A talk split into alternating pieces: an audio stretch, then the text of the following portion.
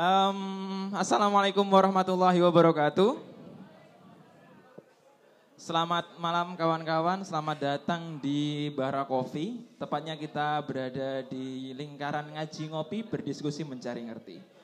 Um, ini adalah diskusi yang kita yang kesekian kalinya tiap malam Jumat. Kalau malam Jumat kita identik dengan ngaji, kita sudah lakukan tadi. Nah ini adalah uh, malam Jumat untuk rukun selanjutnya setelah ngaji. Ya ini adalah mencari ilmu. Dari uh, tiap malam Jumat teman-teman dari komunitas Tuat terutama ini senantiasa mengadakan ngaji ngopi, berdiskusi, mencari ngerti.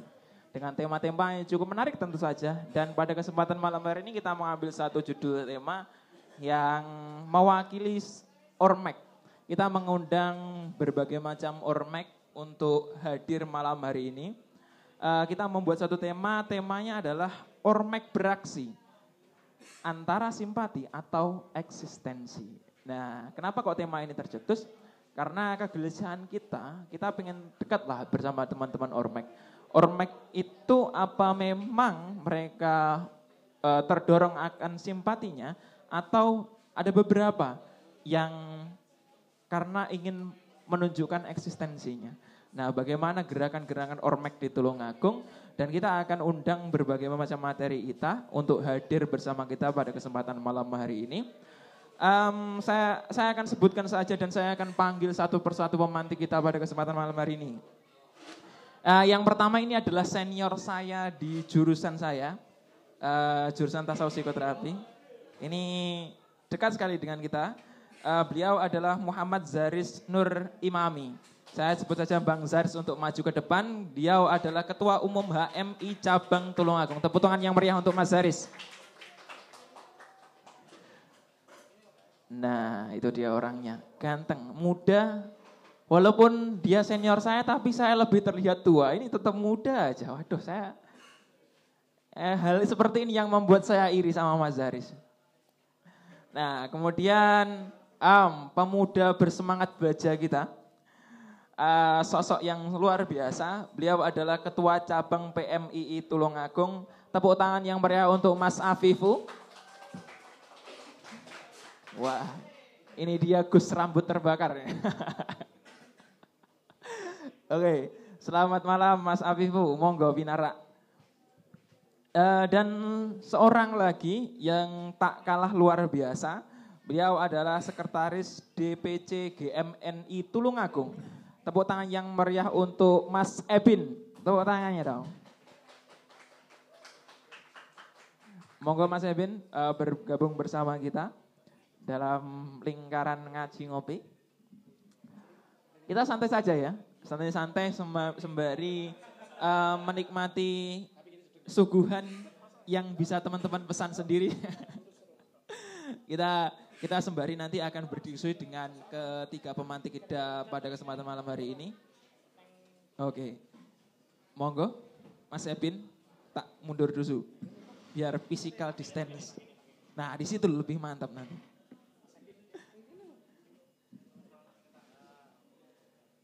Nah.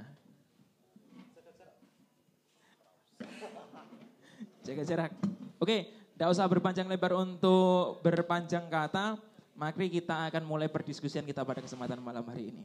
Oke. Mas Zaris, Mas Sebin, Mas Afifu, saya panggil Bang aja ya, biar nanti adil ya. Nanti kalau saya panggil rekan, nggak enak. Saya panggil uh, sahabat, ya nggak enak. Ya. Saya panggil apa ya, kakanda, ya nggak enak. Ya. Jadi kita panggil Bang aja ya ketiganya. Jadi ini adalah Bang-Bang kita pada kesempatan malam hari ini. Bang atau Bung? Bung Afif. Oke. okay. Um, nah ini sebenarnya, ini saya mau cerita tentang kegelisahan kita uh, terhadap Ormex sebenarnya.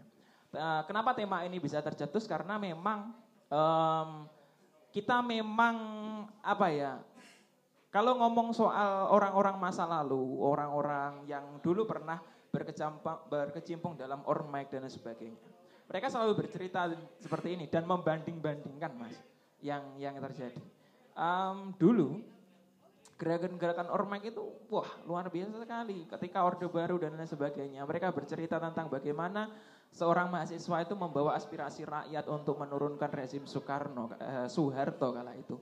Dan macam-macam dan cerita mengenai eh, gerakan mahasiswa yang tentu saja garda terdepan mereka adalah ormek tentu saja. Nah, nah kita pengen tahu sih sebenarnya. Kita pengen tahu lebih lanjut bagaimana sih um, suara atau mungkin sosok sosok-sosok ormek di zaman ini. Maka dari itu kita datangkan ketiga pematik dari berbagai macam korek.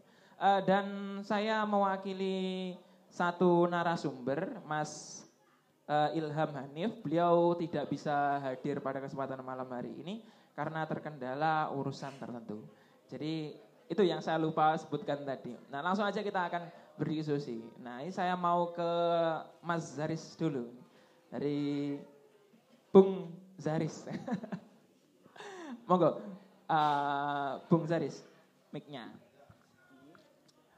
Selamat malam, Bung Zaris. Selamat malam. Oh, Halo, cek. Iya.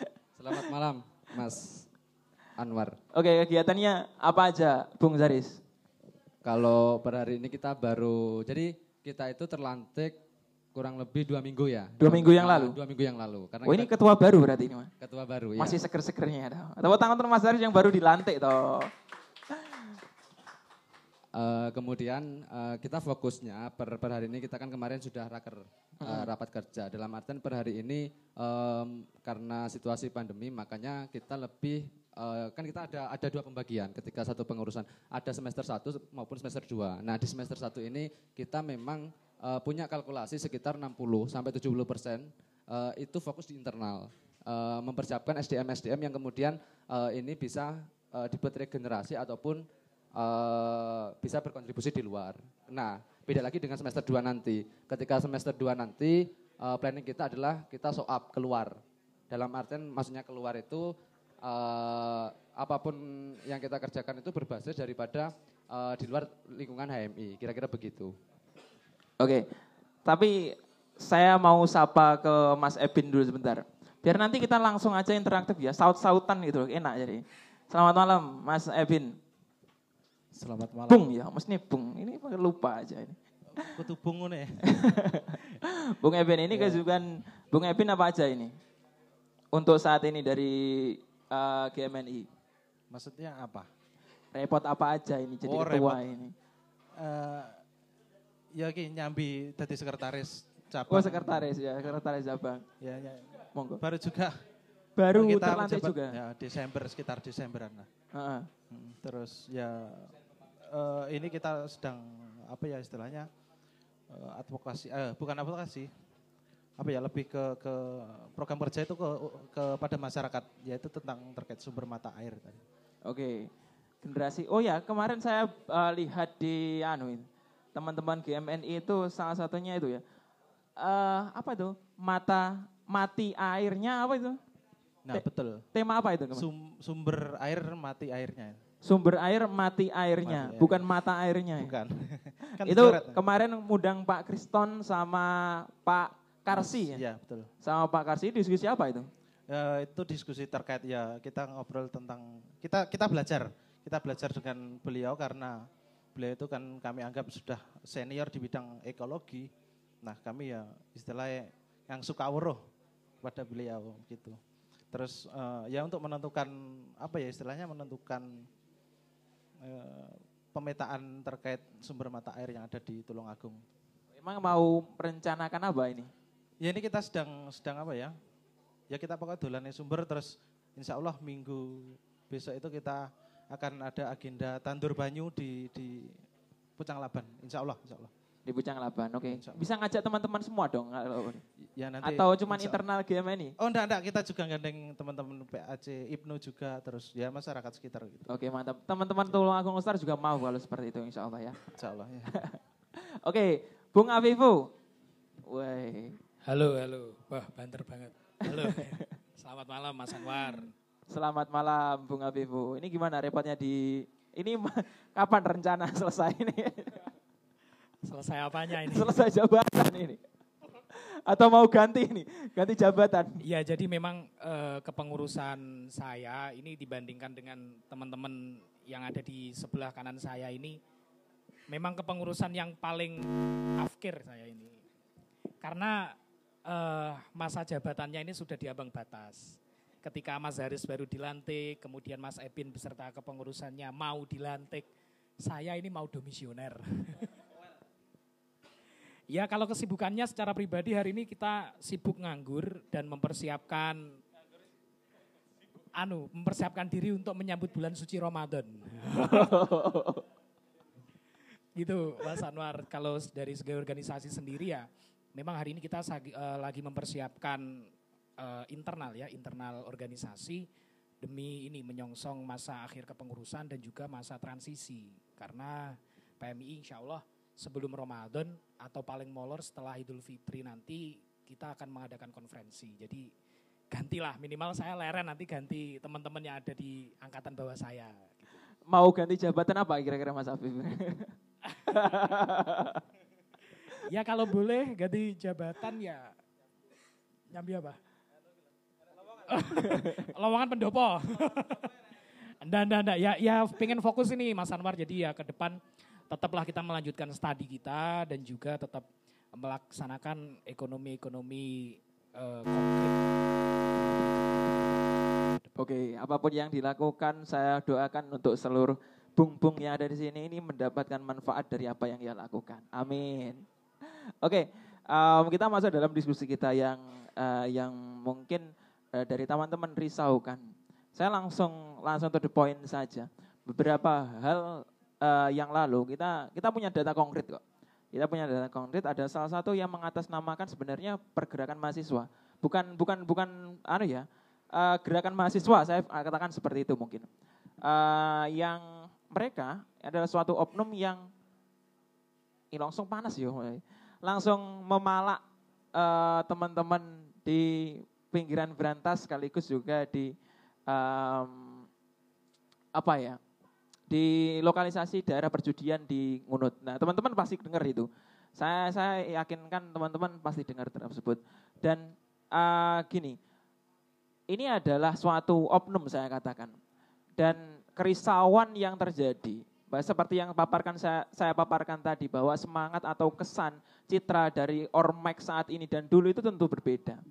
Dan sering kali Ormek pun eh, memiliki citra seperti itu. Ormek-ormek, LSM dan lain sebagainya. Mungkin ada jurnalis juga. Tadi tadi saya dengar ada kasus jurnalis yang malak eh, aparatur negara dan lain sebagainya. Nah, em, ini menjadi hal yang miris saya kira. Eh, bagaimana citra yang masa lalu yang dibuat oleh senior-senior kita mungkin dan saat ini sed- sedang ternoda, sedang ternoda saat ini. Nah, eh, bagaimana sih menurut teman-teman teman-teman ormek pergerakan? Bagaimana sih untuk mempertahankan citra citra ormek tetap baik, citra ormek tetap, tetap menggadang semangat per- eh, bergerak eh, mahasiswa, tridharma perguruan tinggi dan lain sebagainya. Kira-kira gimana Mas Haris? Oke, halo, halo. Halo. Halo, halo. Eh, sebelum saya masuk ke apa yang saya tanggapi perihal itu, saya ucapkan terima kasih kepada penyelenggara terutama eh, teman-teman di apa? Iya, ngaji ngopi. Dan saya ucapkan banyak terima kasih kepada juga eh, teman-teman yang hadir untuk kita sedikit mendedah, mendedar eh, apa yang menjadi keresahan bersama. Oke, baik. Jadi eh, pada intinya sebenarnya gini, eh, kalau kita berbicara data, seharusnya eh, tidak mungkin atau ketika kita berbicara objek, ob- objektif dalam artian ketika satu data itu kita peroleh, ini lantas harusnya tidak kita generalisir. Nah, sehingga apa? Itu kita akan menemukan sisi-sisi yang mungkin eh, itu menjadi tanda minusnya sebagai organisasi ataupun oknum. Nah, di saat bersamaan juga eh, biasanya kita harus pilah di dalam artian eh, mana yang ini sifatnya gerakan secara organisatoris maupun gerakan secara eh, individual. Sehingga di situlah nanti eh, kita menemukan satu perspektif yang dikira itu lebih eh, lebih luas dan lebih kaya Sehingga tidak tidak kita langsung menjustifikasi atau menghakimi perilaku-perilaku negatif yang itu dilakukan person by person. Itu ya. Kemudian yang kedua, eh, sebenarnya kalau kita berbicara secara eksistensial, eh, gerakan mahasiswa ketika dihadapkan dengan dua variabel atau dua nomenklatur antara simpati dengan eksistensi, maka itu adalah seperti mata uang yang tidak dapat dipisahkan. Kalau kita acuannya gerakan mahasiswa, atau gerakan memuda dari zamannya Bung Tomo, eh maaf sebelum Bung Tomo, ada zamannya SDI dan sampai hari ini 98 terakhir ya. Nah itu sebenarnya uh, tidak uh, gini, tidak serta merta dia hanya mencari eksistensi karena jelas pada waktu itu uh, eskalasi di dalam politik Indonesia ataupun di dalam sosial masyarakat Indonesia kita mengalami namanya penjajahan. Ya, itu. Kemudian yang kedua, tanpa adanya eksistensi, organisasi itu tidak akan berkembang dan survive. Karena eksistensi sebuah organisasi itu bagian daripada organisasi beradaptasi dengan lingkungan atau dengan uh, konteks zamannya. Maka di dalam artian secara sederhana uh, bisa dikatakan bahwa antara simpati dan eksistensi itu sama-sama penting bagi organisasi. Simpati itu bagian daripada aktualisasi visi misi daripada uh, gerakan-gerakan, eh, maaf, organisasi-organisasi yang ada. Sedangkan aktualisasi, eh maaf, uh, apa, eksistensi itu tidak hanya diperuntukkan oleh organisasi, person by person, orang per orang, dia sangat membutuhkan yang namanya eksistensi. Kalau semisal nih kita acuannya Maslow ya, uh, di dalam hierarki kebutuhan manusia, salah satunya eksistensi. Eksistensi manusia-manusia yang ada di apa di organisasi ini terakumulasi menjadi sebuah eksistensi organisasi maka itu nggak nggak bisa kita hilangkan kalau ditanya itu bagian uh, ketika ngomong gerakan itu bagian simpati atau cuma eksistensi uh, dalam itu nggak bisa dijawab secara secara general hanya satu perspektif. Jadi keduanya itu saling melekat kira-kira begitu. Oke mas Haris. Um, saya ngobrol soal teman-teman HMI lah ya. Karena mas Haris ini mewakili dari teman-teman HMI uh, bagaimana sebenarnya semangat dari teman-teman HMI sebagai ormek di di Tulungagung? Ini seperti apa sih Mas? Apa apa mungkin uh, visi atau yang ingin di, di, dikembangkan teman-teman uh, eh, HMI di Tulungagung? Sebenarnya progresnya pengennya seperti apa sih Mas? Oke, kalau kita berbicara terkait uh, sumbangsih nanti ya ke depan harapannya kan uh, karena kita musim pandemi, kita nggak bisa atau peran kita itu sangat terbatas adanya pandemi seperti ini. Makanya dibutuhkan kolaborasi, ya kan? Kata yang dibilang Mas Afifu tadi ketika kita di sana, di dalam artian begini, sumbangsi-sumbangsi itu uh, harus kita akumulasikan, itu yang pertama. Kemudian yang kedua, kalau kita berbicarakan sumbangsi atau kontribusi, banyak hal yang bisa kita lakukan. Di dalam artian bahkan demo, demo itu adalah salah satu kontribusi bagi teman-teman mahasiswa. Tetapi ada cara-cara yang lain yang bisa kita tempuh untuk memberikan sumbangsi secara baik gagasan, pemikiran ataupun tindakan. Nah, makanya kemarin kita sebelum apa ya, sebelum kita masuk pelantikan, kita audiensi dengan bupati. Kita menyampaikan aspirasi eh, yang itu kita buat satu pakem yang namanya polis brief. Eh, polis brief itu gini, eh, mungkin ini adalah istilah hal yang baru bagi gerakan mahasiswa. Di dalam artian uh, kebanyakan dari kita, baik itu dari pusat maupun daerah, uh, apa ya, bahasa sensitifnya gini, demo itu ya bagus, tetapi dia hanya cuma menuntut, biasanya begitu kebanyakan. Nah, di dalam artian uh, karena yang dituntut itu harusnya kita berikan uh, alternatif pandangan, maka kita memberikan rekomendasi. Nah, rekomendasi itu berdasarkan apa? Berdasarkan identifikasi masalah, data-data yang kita peroleh, kemudian kita sandingkan dengan berbagai riset yang kita lakukan. Entah itu e, wawancara ataupun eh, data-data mentah yang bisa kita e, kualitatifkan, deskriptifkan. Nah, dari situlah kemudian ini menjadi landasan kuat kenapa rekomendasi ini harus dijalankan. Nah, e, bisa teman-teman e, atau saudara-saudara sekalian cross check di IG-nya sekalian promosi ya. Di IG-nya HMI Jaban Tulungagung, di situ ada polis brief kita. Polis brief ya, rekomendasi dan kenapa harus ada rekomendasi itu. Dari rekomendasi yang di, uh, dikatakan Mas Zaris tadi yang di, disandarkan oleh teman uh, Bupati, apa apa yang di apa sarankan dari teman-teman HMI untuk Tulungagung? Uh, jadi poin-poin apa aja? Gitu? Uh, ada banyak hal ya, uh, ada sembilan rekomendasi. Cuman pada intinya uh, ada hal-hal yang sifatnya itu urgent bagi pelayanan publik, terutama terkait anggaran dana. Saya rasa kalau ngomong anggaran dana, saya rasa teman-teman Ormek ataupun non Ormek masyarakat sipil pun sepakat, karena kita butuh yang namanya akuntabilitas. Nah, di situlah per hari ini uh, kita belum menemukan bagaimana pengelolaan transparansi dana COVID itu secara detail dan rigid, karena itu biasanya diundang, uh, diatur di dalam undang-undang uh, keterbukaan informasi publik yang secara apa mekanisme itu dihandle oleh Dirjen Pusat. Nah, kira-kira begitu. Itu yang pertama. Kemudian yang kedua, PPM Mikro. Sebenarnya PPM Mikro itu kita sudah opsikan tanggal 27. Sebelum pusat ada. Karena apa? Kita punya blueprint uh, desa siaga. Kalau kalau per hari ini kan yang yang yang lagi trending atau menjadi salah satu uh, apa ya? bergeningnya Kapolda Jatim yang per hari ini di di apa oleh Pemprov itu kan kampung tangguh. Nah, sebenarnya ada ada satu alternatif yaitu kampung siaga. Lah kampung siaga itu e, harus ada juklak atau pedoman-pedoman yang itu terstandarisasi. Nah, kita ambilnya dari Jakarta. Dari Jakarta karena teman-teman itu juga e, punya apa ya minimal beberapa senior di LIPI, kita ambil itu. Nah, mungkin gambarannya umum seperti itu. Nanti bisa di cross di HMI cabang uh, IG-nya seperti itu. Ini kalau uh, kalau kalau yang diaspi, uh, yang diaspirasikan dari teman-teman uh, eh, HMI ini tidak terlaksana, apa yang dilakukan teman-teman HMI? Nah, uh, sebenarnya kan kita harus identifikasi masalah dulu. Yeah. Dalam artian kita nggak serta merta kalau ngomongnya teman-teman ya mungkin kita ngomong secara akad bukan akademisi sih, terlalu tinggi ya. Dalam mana uh, gerakan sosial Nah makanya ketika instrumen satu organisasi itu tidak kuat uh, secara political will di dalam uh, mempengaruhi kebijakan, maka tadi kolaborasi itu sangat penting. Nah ingat kolaborasi itu tidak hanya sesama ormek, tapi kita butuh bantuan masyarakat sipil. Karena apa? Seringkali masyarakat sipil itu me memberi stigma kepada teman-teman ormek. Sehingga harusnya stimulus yang itu menjadi semangat, tetapi ini menjadi uh, sedikit rasa sanksi. Contohnya? Contoh semisal demo ya. Yeah. Nah demo itu kebanyakan orang memandang itu itu adalah bagian banyak dampak negatifnya.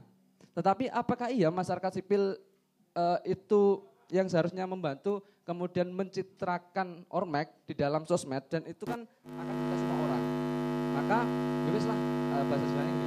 Yowis ya itu diurusi ormek, diurusi teman-teman mahasiswa yang demo. Tetapi tanggung jawab bersama kita untuk membangun aku itu bukan hanya ormek, tetapi masyarakat sipil masyarakat sipil itu ya teman-teman sekalian kalau kita satu frame satu frame untuk membangun rumahku dan uh, apa ya bisa bisa bisa melakukan daerah itu maka ini bukan hal yang mustahil untuk mempengaruhi kebijakan pemerintah daerah. Tapi ngomongkan soal aspirasi yang disampaikan teman-teman HMI sampai saat ini apa kalau kita kan sebenarnya tolak ukurnya nanti tiga bulan pasca kita penyerahan rekomendasi. Nah kalau per hari ini ada itu kan mikro karena dia menyesuaikan dengan pusat, ya kan. Cuman ada beberapa eh, rekomendasi-rekomendasi itu yang per hari ini belum dilaksanakan. Nah itu akan kita kawal sampai tiga bulan pasca penyerahan, penyerahan polis brief. Sehingga apa? Kemudian uh, tiga bulan ini kita menentukan apa langkah yang memungkinkan untuk kita follow up atau tidak lanjuti ketika kebijakan-kebijakan tersebut dianggap hanya sebagai formalitas atau aspirasi yang tidak ada dampaknya kepada kebijakan publik. Kira-kira begitu. Artinya tidak ada tidak uh, kalau kalau ngomongkan sebelumnya ada. Ini kan kita kita ngomongkan yang kemarin yang tadi ya. Maka ada ada ada waktu tenggang waktu tiga bulan kemudian akan uh, ditindaklanjuti. Sebelumnya kalau kalau kalau uh, penyampaian sebelumnya oh. ada nggak kira-kira yang bisa goal untuk di, di uh, merubah atau mungkin mempengaruhi keputusan kalau sebelumnya kan karena sifatnya kita uh, beberapa hari eh, beberapa periodisasi itu adalah tuntutan-tuntutan dan ya ya udah gerakan-gerakan itu hanya uh, bagian daripada eksistensi tapi secara substansi untuk merubah, merubah kebijakan publik itu enggak ada. Kalau kalau kita mau mau jujur per hari kemarin ya. Nah, makanya alternatif itu iya demo itu bagus tapi secara substansi itu ada atau enggak? Nah bidikannya kalau memang secara substansial itu ada, apa caranya? Ya salah satunya kita polis brief dan itu bagian dari soft uh, soft entah itu soft diplomasi bagian dari uh, public relasi kita kepada pemerintah ataupun bagian daripada eksistensi kita ketika uh, apa ya semua gerakan mahasiswa itu turut andil di dalam satu aspirasi entah itu uh, demo atau lain sebagainya maka kita juga harus ikut tetapi kita memakai cara yang berbeda dengan polis brief itu kira-kira begitu Oke, saya pindah ke Mas Afifu. Mas Afifu, kira-kira, kira-kira, atau mungkin menurut, menurut pendapat Mas Afifu saja lah. Apa yang mempengaruhi mungkin, saya katakan, saya tidak tahu ini subjek tidak benar atau salah ya.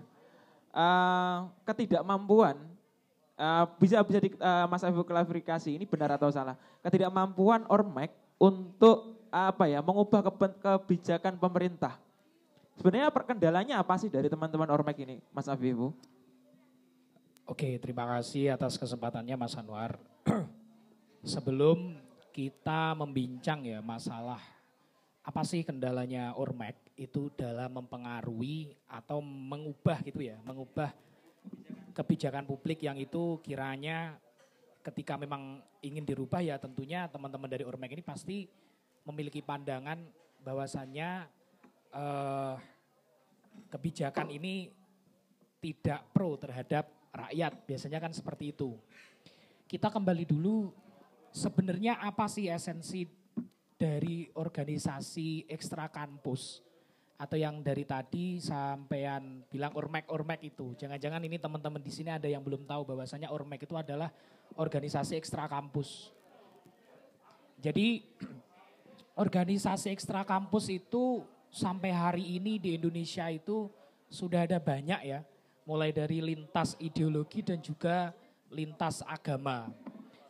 Kalau di Tulungagung sendiri yang ada ada HMI, terus kemudian ada teman-teman dari GMNI, ada PMI, terus kemudian Mas Ilham yang hari ini belum hadir itu dari MM, Ikatan Mahasiswa Muhammadiyah, dan masih banyak lagi, ada yang PMKRI, itu pergerakan mahasiswa Kristen, Katolik ya, Katolik, belum GMKI, Hima Budi, dan masih banyak lagi. Itu sebenarnya organisasi ekstra kampus itu banyak sekali.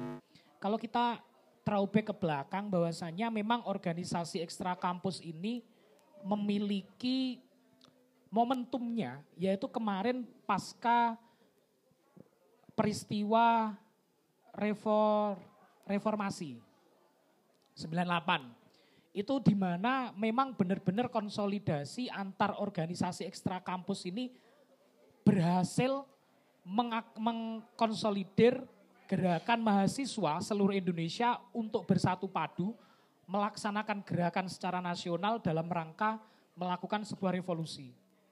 Terhadap eh, pada saat itu Presiden Soeharto ya goalnya adalah eh gongnya gongnya adalah menurunkan Presiden Soeharto.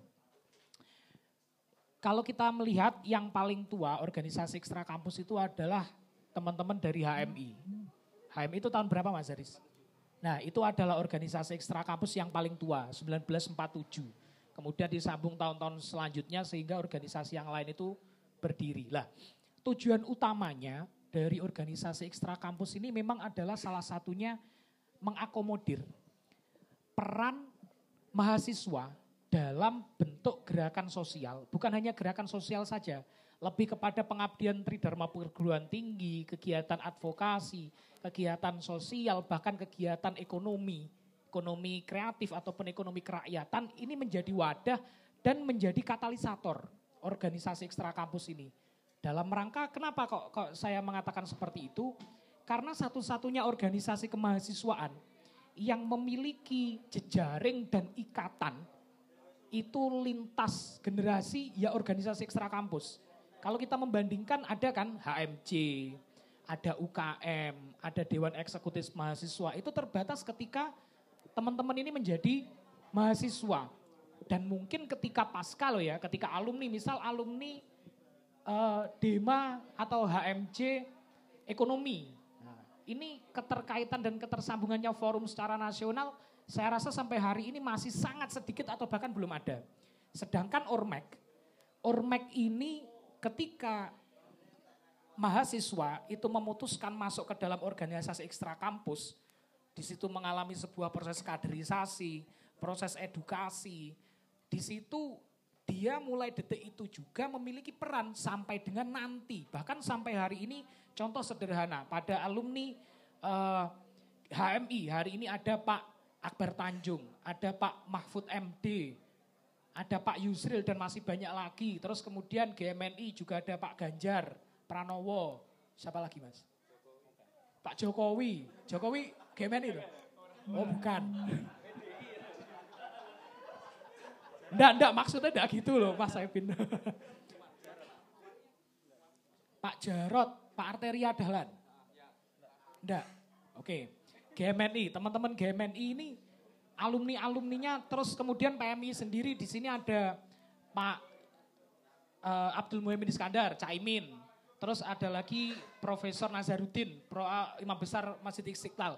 Jadi memang nilai-nilai yang didapatkan dan diperjuangkan dari seorang mahasiswa menjadi aktivis sampai dengan menjadi alumni, hiroh semangat untuk senantiasa melakukan gerakan pendampingan dan perubahan itu tetap dirawat dan dijaga.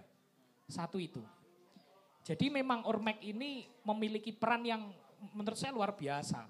Gitu ya, itu pada uh, secara esensi. Terus kemudian ketika tadi jenengan tanya bahwasanya apa sih kendala Ormek itu dalam melakukan atau mempengaruhi dan juga mengarah eh, mengubah arah dari sebuah kebijakan pemerintah daerah. Tentunya seperti yang hari ini telah dilakukan teman-teman se-Indonesia ataupun eh, taruhlah kita tarik ke Tulungagung gitu aja ya. Sebenarnya yang menjadi persoalan inti itu adalah bagaimana respon dari pemerintah daerah dalam mendengar apa aspirasi dari teman-teman mahasiswa ini. Itu masalah intinya. Sedangkan teman-teman mahasiswa ini sebenarnya juga nyun sewu dari segi sebuah lokus ya, sebuah lokus gerakan ini tidak mungkin ketika melakukan sebuah gerakan itu tanpa didasari dengan dasar-dasar kajian dan alasan yang kuat. Pasti itu, itu saya pastikan. Karena tidak mungkin teman-teman mau aksi atau mau audiensi itu tidak diskusi, ya kan? Nah itu yang menjadi tradisi di Urmek. Jadi ketika mau membicarakan advokasi terhadap sebuah kebijakan tentunya sudah dikaji secara mendalam dan menyeluruh. Nah kembali lagi kepada yang namanya persoalan utamanya seperti Tulungagung sendiri nyun sewu. Beberapa kali teman-teman PMI selama saya menjabat nih, selama saya menjabat kurang lebih sekitar hampir dua tahun ini mulai dari kebijakan-kebijakan sebelum COVID sampai dengan titik kita satu tahun ke belakang ini COVID, beberapa kali melakukan sebuah kegiatan uh, advokasi, di situ nanti baik kita melaksanakannya dalam bentuk audiensi dengan Forkopimda atau Pak Bupati di sini sebagai kepala daerah, ataupun aksi turun jalan seperti demo yang terakhir, demo terakhir di Tulungagung kan aliansi teman-teman mahasiswa, di sana juga tergabung Ormek, teman-teman BEM setulungagung kembali lagi ke titik itu tadi. Ternyata pemerintah daerah kita, Tulungagung ini, kurang bisa mendengar aspirasi dari teman-teman aktivis ini. Dan itu terbukti bukan hanya mahasiswa. Ketika pandemi ini semua sektor sosial, mulai dari ekonomi, pariwisata, pendidikan, dan lain sebagainya itu benar-benar terdampak kembali lagi ternyata hanya sebatas didengarkan ibaratnya melebu kupeng tengen, metu kupeng kiwo yang saya rasakan loh ya di Tulungagung. Nah, itu beda sebenarnya Mas Anwar kalau kita melihat di beberapa daerah yang memang teman-teman aktivis mahasiswa maupun aktivis sosial ini ada dan melakukan gerakan itu banyak kok yang goal. Termasuk salah satunya adalah teman-teman di Jember. Teman-teman di PMI Jember itu mulai sekitar 25 tahun yang lalu sampai dengan hari ini itu istiqomah melakukan pendampingan terhadap petani di daerah Puger dan mana Kencong kalau nggak salah. Kencong itu terkait agraria dan lain sebagainya isu lingkungan itu istiqomah sampai dengan hari ini ya sedikit-sedikit adalah beberapa hal yang di situ bisa ternyata mempengaruhi kebijakan namun dikarenakan ya tetaplah pemerintah daerah itu memiliki kepentingan ya apalagi menyoal masalah sumber daya alam, menyoal masalah agraria, tentunya tetap ada yang itu ya enggak kurang pas di uh, dirasa oleh teman-teman itu untuk itulah. Tapi kembali lagi bahwasannya memang hari ini sampai kapan pun saya rasa teman-teman mahasiswa ini tetap berkomitmen kok organisasi ekstra ini untuk senantiasa melakukan gerakan advokasi karena kita sadar betul bahwasanya tugas mahasiswa sebagai agen perubahan dan penyambung lidah rakyat itu memang nyata dan harus dinyatakan. Karena sekelompok kecil mahasiswa yang dalam doktrin gerakannya masih merawat untuk senantiasa me, apa ya, mengaplikasikan yang namanya Tridharma perguruan tinggi ini ya saya rasa hanya ormek. Meskipun tidak menutup kemungkinan teman-teman misal himpunan mahasiswa fakultas dan lain sebagainya ini juga melakukan gerakan-gerakan semacam itu. Namun yang saya tahu organisasi ekstra ini adalah benar-benar yang uh, komitmen ini benar-benar dipegang secara kokoh mulai dari sam, mulai dari kader itu baru masuk organisasi ini sampai dengan alumni-alumni dari organisasi ini yang sampai hari ini juga tetap peduli dan berkomitmen untuk menjaga semangat itu tadi. Saya rasa seperti itu Mas Anwar. Oke Mas Habib. Bung ya. Oke. Um, dan saya uh, bertanya kembali. Bagaimana uh, respon dari kawan-kawan Ormek ketika menanggapi bahwa tanggapan uh, bukan penyampaian aspirasinya ini ditolak oleh pemerintah? Responnya kayak gimana kira-kira?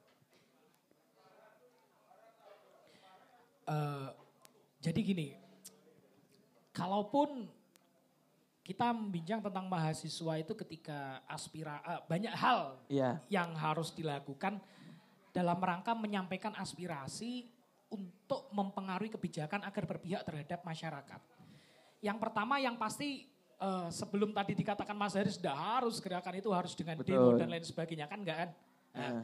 Maka dari itu contoh ya, ini contoh kemarin ketika kita membicarakan uh, yang terakhir aja, yang terakhir teman-teman PMI advokasi itu masalah kebijakan jam malam.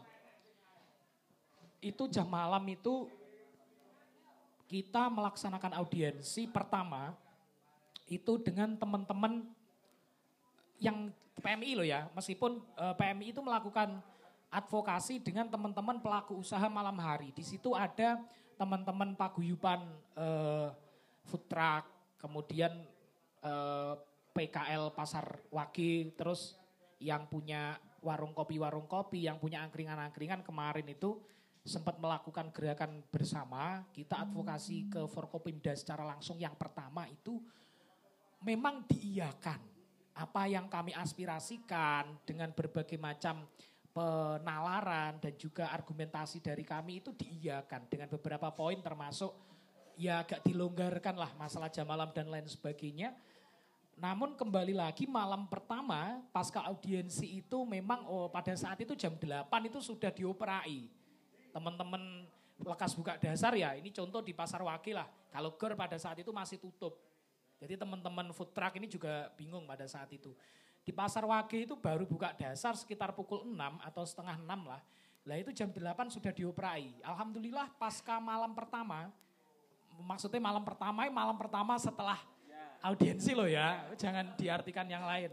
Malam Jumat soalnya. itu alhamdulillah uh, jam setengah sepuluh baru ada operasi. Namun malam kedua itu langsung jam 8 malam tepat itu dioperai. Nah berarti kan ini tidak ada perubahan sama sekali.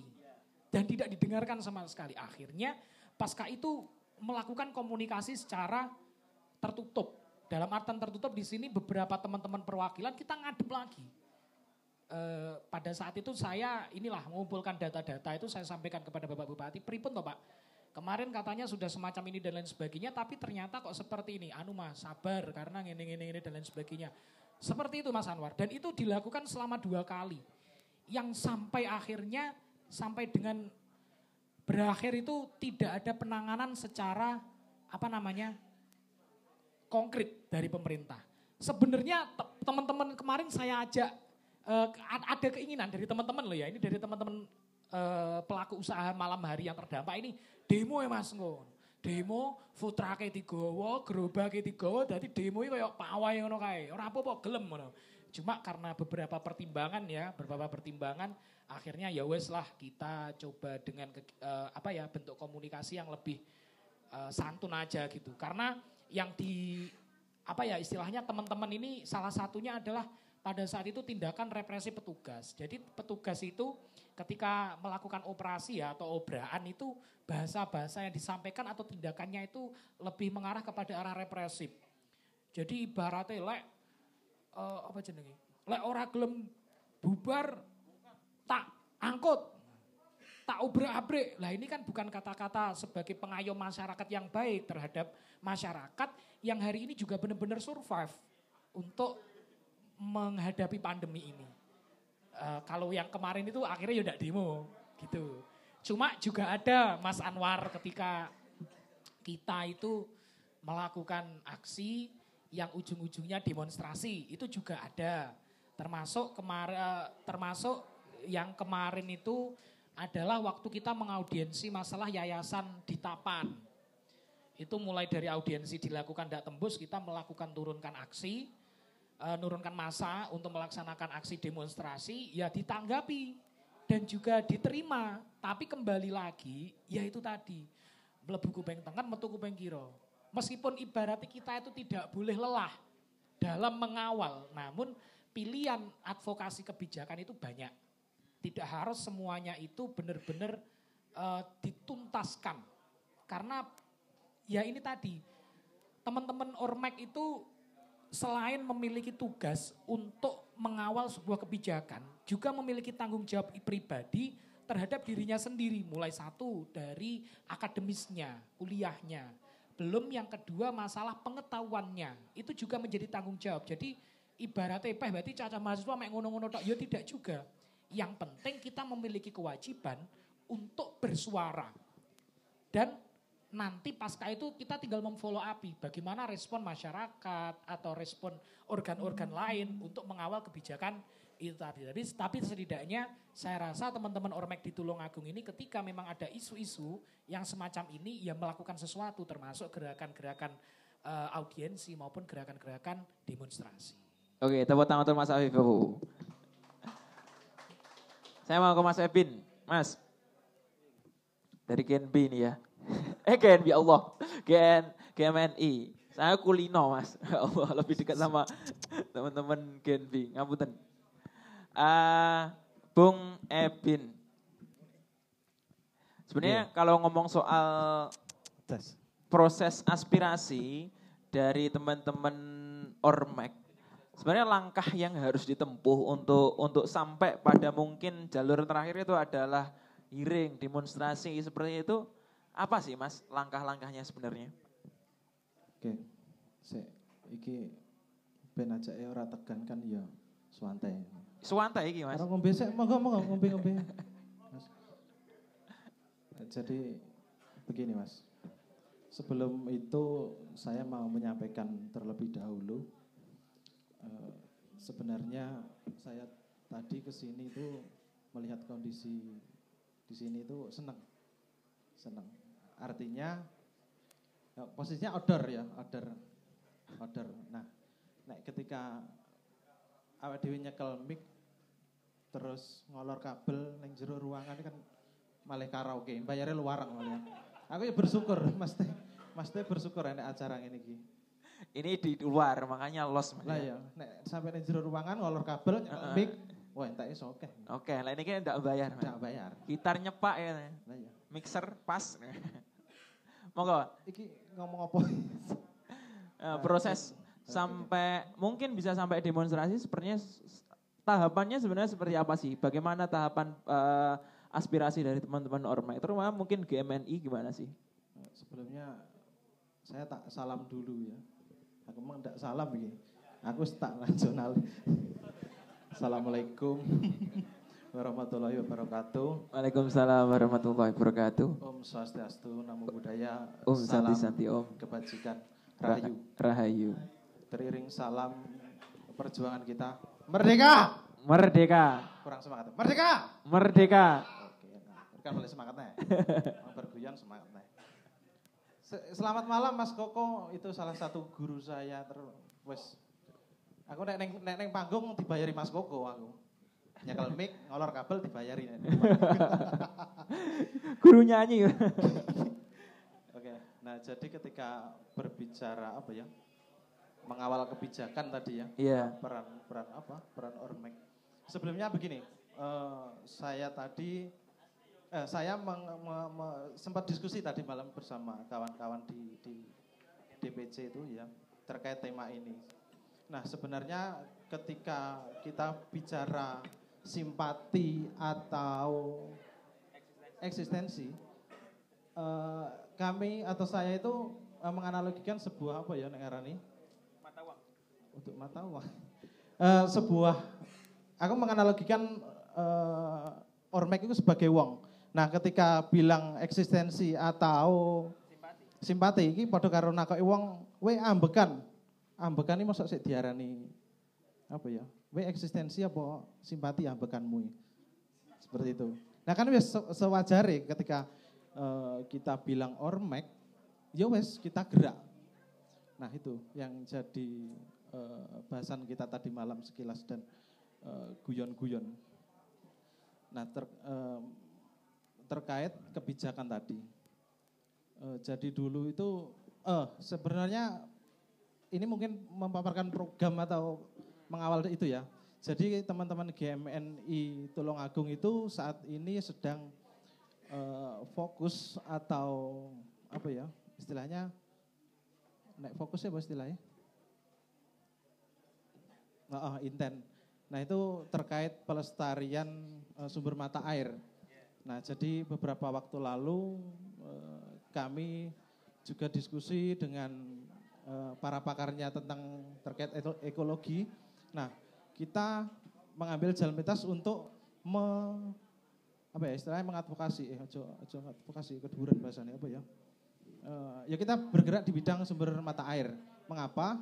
Eh, karena data dari tahun 99 eh, itu ada sekitar 2000-an mat, sumber mata air.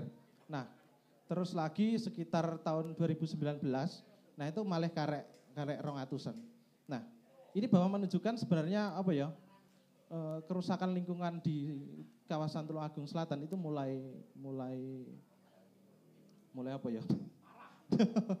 Para ya mulai mulai mulai tren sumber mata air mulai turun. Nah, eh, kami menganalisa hal tersebut itu sebenarnya dalam dua eh, dua bulan terakhir ini. Yes, kita akhirnya bergerak di bidang sumber mata air tadi dengan mengajak masyarakat eh, sekitar bahwa sumber mata air itu penting loh. Terus eh, ketika bicara tentang air, neng donya op- apa tas ngerap butuh air. Nah, dari situ kita bergerak ke masyarakat, kita gandeng masyarakat. Nah, yang saat ini sedang fokus itu di, di eh, sumber Blandong yang ada di desa Demuk, Pucang Laban. Nah, itu mungkin kalau ada kawan-kawan yang ada di rumahnya sana, hari Minggu kami mengadakan acara tandur bareng bersama, eh tandur banyu eh, bersama masyarakat sekitar dan beberapa eh, instansi sekolahan itu ya. Nah, itu yang yang sedang kami lakukan. Mengapa memilih sumber mata air? Jadi begini, eh, aku mbah ya mulai mulai tahun kapan eh, perhutani itu dianggap gagal dalam mengelola kawasan hutannya. Akhirnya eh, membentuk sebuah lembaga yang namanya PHBM, Pengelolaan Hutan Bersama Masyarakat. Nah di situ, ini nek salah mau dikoreksi nanti. Eh, terus eh, kemudian membentuk lagi dari dari PHBM tadi yang namanya LMDH. Nah dari situ eh, perhutani mengajak masyarakat eh, nandur nandur neng kawasannya perhutani. Nah setelah itu muncul lagi eh, terkait tentang perhutanan sosial. Kalau tadi LMDH itu dikelola oleh perhutani sendiri, tapi kalau perhutanan sosial, itu eh, apa ya dikelola oleh kementerian. Jadi eh, masyarakat langsung bisa mengakses ke ke kementerian, tidak lewat perhutani dalam mengelola kawas eh, apa ya mengelola hutan itu tadi. Jadi masyarakat bisa mengelola uh, wilayah hutan. Nah, dari kegalak uh, ke, dari wacana tadi, nah itu yaitu tadi kami bergerak untuk untuk fokus ke sumber mata air. Mungkin mungkin seperti itu sedikit sedikit apa ya gambaran uh, gambaran dari GMNI. Ya seperti itu. Prosesnya, Mas. Bagaimana proses dari awal sampai akhir hingga uh, mungkin uh, sampai pada gerakan mungkin. Bisa ceritakan aja deh. Kalau untuk gerakan sendiri, ya wes kita dolaning sumber-sumber. Kita dolaning sumber-sumber satu, sumber dua, sumber tiga, sumber empat, dan sampai seterusnya. Nah, itu kita pendekatan pada masyarakat. Jadi, jadi itu kalau menurut saya itu hal-hal yang konkret seharusnya bisa uh, menjadi apa ya uh, perhatian kawan-kawan yang ada di sini bahwa sebenarnya uh, ketika kita mengawal kebijakan suatu pemerintahan uh, itu saya rasa bukan abad sih, cuma cuma uh, kita harus mengkaji itu lebih terdahulu, yang lebih dalam. Nah, uh, kemarin kawan-kawan GMNI itu juga uh, ikut andil dalam dalam advokasi sumber eh, apa? Tambang. Nah, tambang air kita juga juga ikut dan eh tambang tambang air gitu.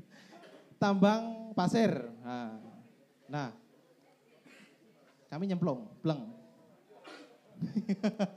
ini ini gini, uh, kita ya juga juga kaget ternyata. Sa, uh, rumah saya juga cedek berantas, kebetulan juga cedek berantas. Nah, ketika kita nyemplung bleng, asem tiba kayak ngene anu nih. Uh, terlalu banyak backup backupan itu tadi. Nah, uh, sampai saya itu ya juga sempat di apa ya teror. Nah, uh, diintimidasi. Nah, nah itu. Terus saya tanya ke bapak saya, uh, yang neror tadi salah satu kawan bapak saya. Eh, pita? Nek ini.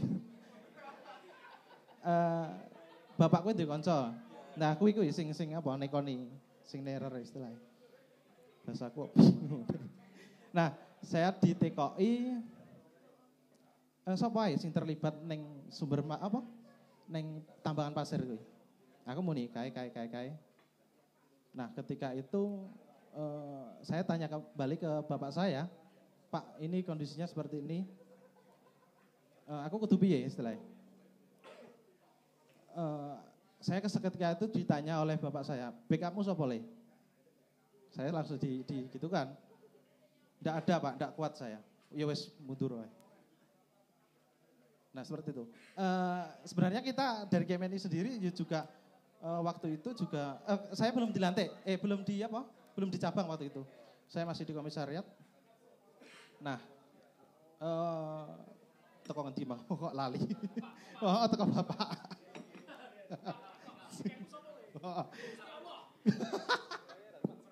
Nah, dari uh, itu tadi saya disuruh kembali, wes. Uh, coba fokus lian ya. Soalnya permasalahan di Tulungagung itu kan cukup cukup oh, apa ya pelik ya. sangat akhirnya uh, kita muter ngiwo terus tidak situ lah uh, soalnya petanya jelas oh, nah ya wes kita sing paling rasional dan dan apa ya ngarani sing paling katakanlah oh, bisa di, di advokasi ya ter, terkait sumber mata air tadi yang memang uh, kalau kita berbicara tentang ideologi uh, GMNI sendiri kan itu marhinisme. Nah, ketika kita berbicara marhinisme berarti kita uh, berbicara tentang rakyat. Nah, maka dari itu teman-teman GMNI itu lebih cenderung kedekat kepada masyarakat tinimbang dekat kepada penguasa istilahnya. Ya tetap penguasa tetap uh, tetap dikawal. Nah, tetap dikawal.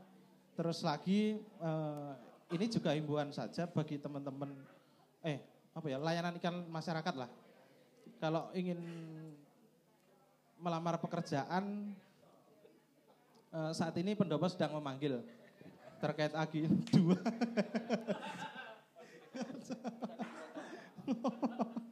Karena mas ya lowongan kerjaan. Sampai.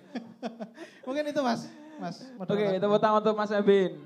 Dan tepuk tangan untuk ketiga pemantik kita pada kesempatan malam hari ini. Uh, nampaknya itu pemaparan yang disampaikan ketiga pemantik kita. Uh, saya ingin mengundang kawan-kawan untuk bertanya, menanggapi, punya pendapat atau lain sebagainya.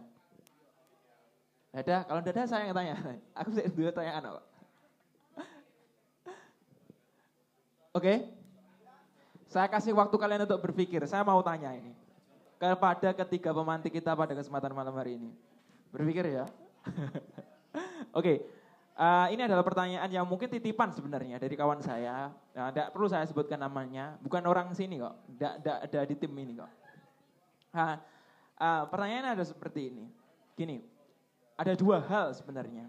Yang pertama, rekrutmen Ormek itu selalu mengatasnamakan atau mungkin melabeli diri mereka dengan um, senior mereka yang telah sukses di nasional. Kan seperti itu.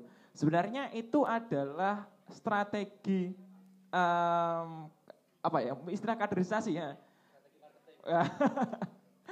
Eh, strategi rekrutmen atau bagaimana sepertinya. Sebenarnya dan kemudian adapun adapun uh, tokoh tersebut di label sebagai nama ormek tersebut maka belum tentu suatu apa lokus tertentu itu sama dengan dengan uh, tokoh yang digadangkan. Itu pertanyaan yang satu. Yang kedua, nah ini pertanyaan yang kedua ini agak menggelitik ini. Ormek di Tulung Agung itu apa tuh kemarin tuh? Oh ya, Ormek di Tulung Agung itu tunduk dengan senior apa enggak sih? Pertanyaannya kayak gitu, kurang lebih. Ini pertanyaan titipan dari teman saya. Karena teman-teman gak tanya, ini saya tanyakan kepada ketiga pemantik pada kesempatan malam hari ini. Monggo, mungkin ditanggapi. Dari siapa dulu ini? monggo. Monggo, monggo Mas Haris. Halo, cek. Uh, jadi pada intinya begini ya. Uh, tidak uh, mungkin ketika kita memobilisasi massa di dalam konteks tertentu adalah rekrutmen yeah. tanpa memiliki bergaining yeah. apa pun itu dalam konteks pendidikan, dalam konteks uh, rekrutmen tadi, dalam konteks bisnis. Nah, sama. Semisal gini, kalau kita analogikan, uh, apa iya sebuah uh, sebuah tempat kopi-kopi ya, sebuah tempat kafe-kafe uh, dan lain sebagainya, uh, ketika yang ditawarkan produknya itu sama, tetapi dia tidak punya keunikan, uh, apakah dia mampu bersaing? Saya rasa tidak, karena nanti berkaitan dengan modal. Nah, salah satu untuk memanfaatkan atau strateginya adalah bergening tadi, entah di dalam kop, apa kafe atau kopi itu ada sosok artisnya atau ada hal yang unik, misal kayak diskusi ini dan sebagainya. Kira-kira begitu. Itu iya, kalau kita ngomong realistis itu adalah uh, strategi marketing kita. Ya, itu. Kemudian yang kedua, kenapa harus alumni dan tokoh besar? Karena gini, uh, kita itu hidup harusnya punya blueprint, ya kan? Blueprint itu sorry, apa ya? Contoh kalau sebagai mungkin dalam konteks tertentu sebagai umat muslim kan contohnya siapa? Rasulullah. Nah, apa yang dilakukan Rasulullah itu kan kita bisa pelajari. Nah, sama hanya ketika kita uh, memvisualisasikan, oh di Ormek A ada tokoh ini loh, sekarang di nasional. Nah, ketika teman-teman secara disiplin ilmu mampu untuk mengikuti tokoh itu, maka prosesnya inilah yang kemudian harus diikuti. Nah, ya udah prosesnya di, oh dulu di organisasi ini loh dia nganu, akhirnya itu bagian daripada um, mikiring opini masing-masing mahasiswa. Itu ya, kalau kita ngomong realistis ya. Terus Terus apakah uh, itu dengan senior? Kalau kita kita pertegas hari ini ya, Jawabannya kita, kita tunduk pada kebenaran, titik. Nah, makanya kalau kita lihat uh, dalam konteks tertentu, uh, kalau kita perjelas di dalam artian apa yang harus harus di apa ya dispesifikasikan kepada yang yang penanya dalam konteks apa kita tunduk pada senior. Nah, kalau kalau kalau per hari ini uh, sebenarnya ini menyangkut internal ya uh, kita ada kecenderungan karena senior-senior ini memiliki perspektif atau pandangan yang berbeda-beda, pasti nanti kita akan cenderung pada salah satu. Karena apa? Dari senior-senior yang memberi pertimbangan kita, itu pasti tingkat kemaslahatan, tingkat kebermanfaatan itu akan semakin besar. Nah, itulah yang kita cenderung uh, untuk apa ya istilahnya bukan tunduk, tetapi memilih opsi itu. Tapi di dalam uh, kerangka organisasi terutama HMI ya, kita diperjelas adanya independensi etis sama organisasi. Nah, di dalam artian secara sederhana independensi itu dimaknai sebagai bagaimana organisasi uh, baik itu secara komunal maupun secara individu itu cenderung pada satu, tunduk dan patuh pada kebenaran. Nah kebenaran apa ya? Saya, saya rasa kebenaran objektif. Dari mana kita dapat? Dari hasil pertimbangan-pertimbangan yang matang, baik itu dari teman-teman uh, internal kita maupun teman-teman uh, senior-senior kita. Kira-kira begitu. Oke, tepuk tangan untuk Mas Haris. Nah, saya mau Mas Abin. Monggo, tamu kayak Mas Abin. Tapi emang pertanyaannya lali Mas. Tadi kurang lebih pertanyaannya, uh, rekrutmen dari Ormak itu okay. selalu menggadang nama senior yang sukses di kancah nasional. Ya seperti yang dikatakan Mas Afifu tadi lah. Uh, kemudian bagaimana, tidak mengelari aku. Bagaimana bagaimana itu bisa dipertanggungjawabkan dalam dalam apa Ormek dalam satu lingkup lokus tertentu. Padahal tokoh-tokoh tersebut berada di nasional, tidak tidak turut serta mengkader um, di lokus tersebut. Nah itu nomor satu. Nomor dua, tundukkah Ormek di Tulungagung dengan seniornya? Nah cuman gitu. Oke, eh, terkait rekrutmen itu membawa-bawa senior yang sudah sukses ya. Kalau Gemini iya. Iya, semua semua Iya. Eh, ketika kita menduduh, eh, katakanlah duduh nih, iki uh, salah satu senior GMNI. Ya wes sekedar kita bangga, kita bangga. Nah, yaitu salah satu cara rekrutmen. Tapi kalau ngomong terkait rekrutmen di lain itu, ya kita uh, berbicara tentang arah ideologi GMNI itu sendiri.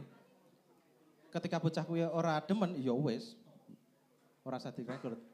Tapi nek ketika kita berbicara nasionalisme, marhinisme, bocah itu uh, tertarik ya wes direkrut. Nah terkait uh, tunduk sama alumni yang ada di Tulungagung. Ini yang bicara uh, bukan Ebin sebagai sekretaris, tapi lebih ke personal saya. Ketika tunduk itu dibilang dibilang uh, tunduk yang seperti apa? Kalau keilmuan mungkin iya, tapi nek ketika uh, ngenek acara terus ngekek duit, oke, okay, yo yo yo iya biasa, yo iya bisa. Tapi lawang ideologiku ideologi berotak, sapa sing ngopeni dinut, Ya sepenak-penakan ngono. Saya tekan. nah, uh, tapi nek ketika bareng ngekek dhuwit wis mau duit entek ya wis ora di usah dinut neh. Simpel-simpelan ngono nek GMNI. Ya luwih ngono ya Mas Koko ya. Pot itu. Lah ya. Terus enek mas-mas ning apa katakanlah DPR atau apa. Duitmu piro? Ya lebih, lebih itu mas ya. Kalau uh, nek ngomongnya serius-seriusan berarti uh, ketika itu tadi uh, alumni sebagai apa dulu? Sebagai apa dulu? Uh, kalau keilmuan oke okay, oke okay, kita kita uh, mungkin belajar ya bukan bukan lebih tunduk belajar. Tapi kalau uh, organisasi GMNI sendiri uh, alumni itu sadar ini prosesnya adik-adik bukan bukan uh, prosesnya apa ya mas mas mas mas wes bian uh, alumni sadar itu. Alhamdulillah sadar itu. Dan memberi ruang adik-adiknya untuk uh, berproses berkembang di situ. Tapi nek ketika ngomong nih apa ya? Dinot. Ya memang ideologi ini berat ya, ini ini. itu itu Mas, itu. Oke, tepuk tangan untuk Mas Abin. Nah, ini perspektif dari GMNI dan juga MI. Nah, sekarang yang PMII. Oke. Asem pertanyaan. di era ini ya, di era disrupsi ataupun hari ini di era globalisasi yang hampir pada titik yang tingkat kemajuannya sudah tidak dapat kita prediksi, kita tidak menafikan bahwasanya fenomena influencer itu menjadi suatu uh, fenomena yang sangat luar biasa dampak bagi sektor apa pun. Itu pertama siapa loh yang istilahnya hari ini itu kita uh, menyangka dulu ketika kita masih TK, masih SD mungkin ketika ditanya cita-cita, oh, cita-citamu apa? Tentara, polisi, pilot, dokter, guru kan seperti itu. Lah hari ini anak-anak hari ini cita-cita jadi apa? Jadi konten kreator, jadi youtuber, vlogger, tiktoker. Anak-anak hari ini memiliki cita-cita yang seperti itu. Jadi memang fenomena influencer ini hari ini memang sangat luar biasa merubah pola tatanan kehidupan di berbagai macam sisi dunia. Luar biasa. Nah, terkait kenapa tokoh Ormek itu selalu menggunakan tokoh-tokoh uh, nasional itu, senior-senior atau alumni-alumni tokoh nasional ataupun uh, lokal ya, lokal sekalipun atau nasional dan lain sebagainya. Yang pertama tentunya karena kita itu adalah satu barisan dan satu cita tentunya tetap memiliki yang namanya keterikatan yang saya sampaikan di awal, semangat yang diruat untuk senantiasa melakukan gerakan demi bangsa dan negara ini itu tetap nyambung. Lek bahasanya wong NU sanat. Sanat keilmuan ataupun sanat gerakan itu nyambung. Jadi bukan hal yang istilahnya menjadi hal yang nyapo dadak masang foto nih senior sing nasional. Enggak, memang di satu sisi itu tadi dan memang eranya hari ini memang harus seperti itu. Dalam rangka apa? Memberikan pilihan. Memberikan sebuah gambaran dan uh, apa ya istilahnya? Bukan fata morgana, tapi lebih kepada ngen-ngene teman-teman yang ingin bergabung Ormek setidaknya di sini memberi, mempunyai tokoh atau sosok yang menjadi contoh lah atau menjadi inspirasi. Wah iya, senior IKI tingkat nasional ternyata pernah aktif di organisasi ini selama menjadi mahasiswa. Nah itu salah satunya menjadi motivasi dan nyuwun sewu senior-senior Ormek itu tidak semuanya terjun di dunia politisi. Itu yang harus digarisbawahi. Pertama sebelum menjawab pertanyaan yang kedua. Ya. Sik lah no. Nah, Aku nanggapi gak apa-apa. Nyambung ini nyambung. Oh iya weh, sik sama terus nih. Oh, Tapi? Iya. Tapi kan seperti se, eh, semestinya tokoh satu ini eh, konsep dari influencer itu sama seperti oknum, Mas. Tahu ya? Tahu. Oknum itu adalah satu satu yang mencemari nama organisasi, kemudian organisasinya dicap buruk, kan seperti itu. Kita tidak bisa menafikan bahwasanya senior PMI juga ada yang korupsi, kena KPK. Oh, enggak, saya enggak ngomongnya soal korupsi. Contoh. Contoh, contoh ya. Contoh. Contoh ya. saya enggak tahu ya korupsi. berarti terus bosan anu, wah itu iso jadi koruptor kan, kan? Oh, Enggak kan? Woi jangan jadi cita-cita bersama itu nanti ya. Bahaya itu nanti. Oke, maksudnya maksud saya seperti ini. Influencer itu seperti ini.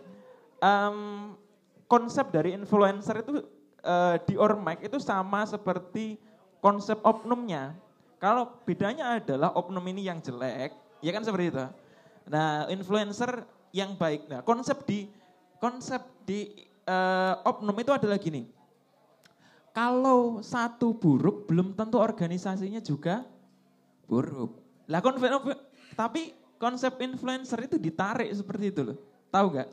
Eh, mestinya bahwa juga kita juga mengakui bahwa influencernya baik, belum tentu juga organisasinya baik. Kan seperti itu.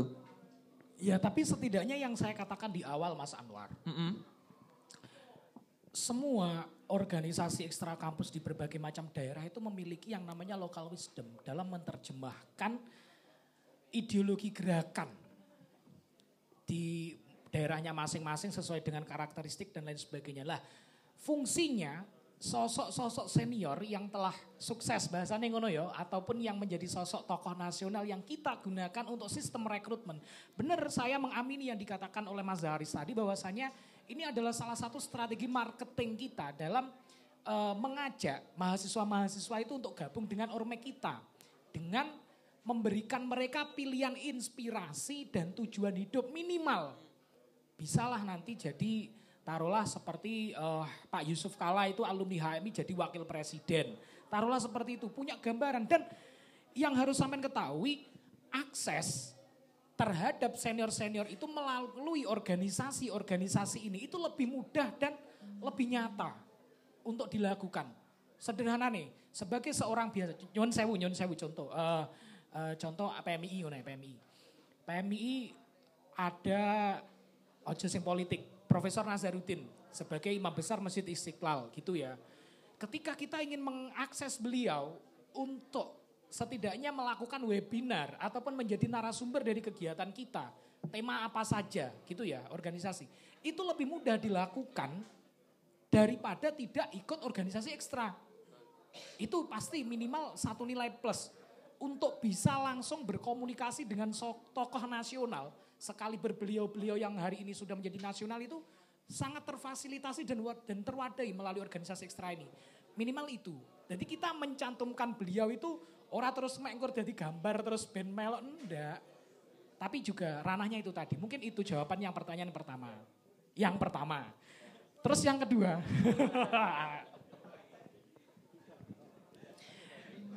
Uh, karena saya rasa Mas Haris sama Mas Ebin ini uh, memiliki istilahnya catatan amal yang lebih sedikit ya daripada saya.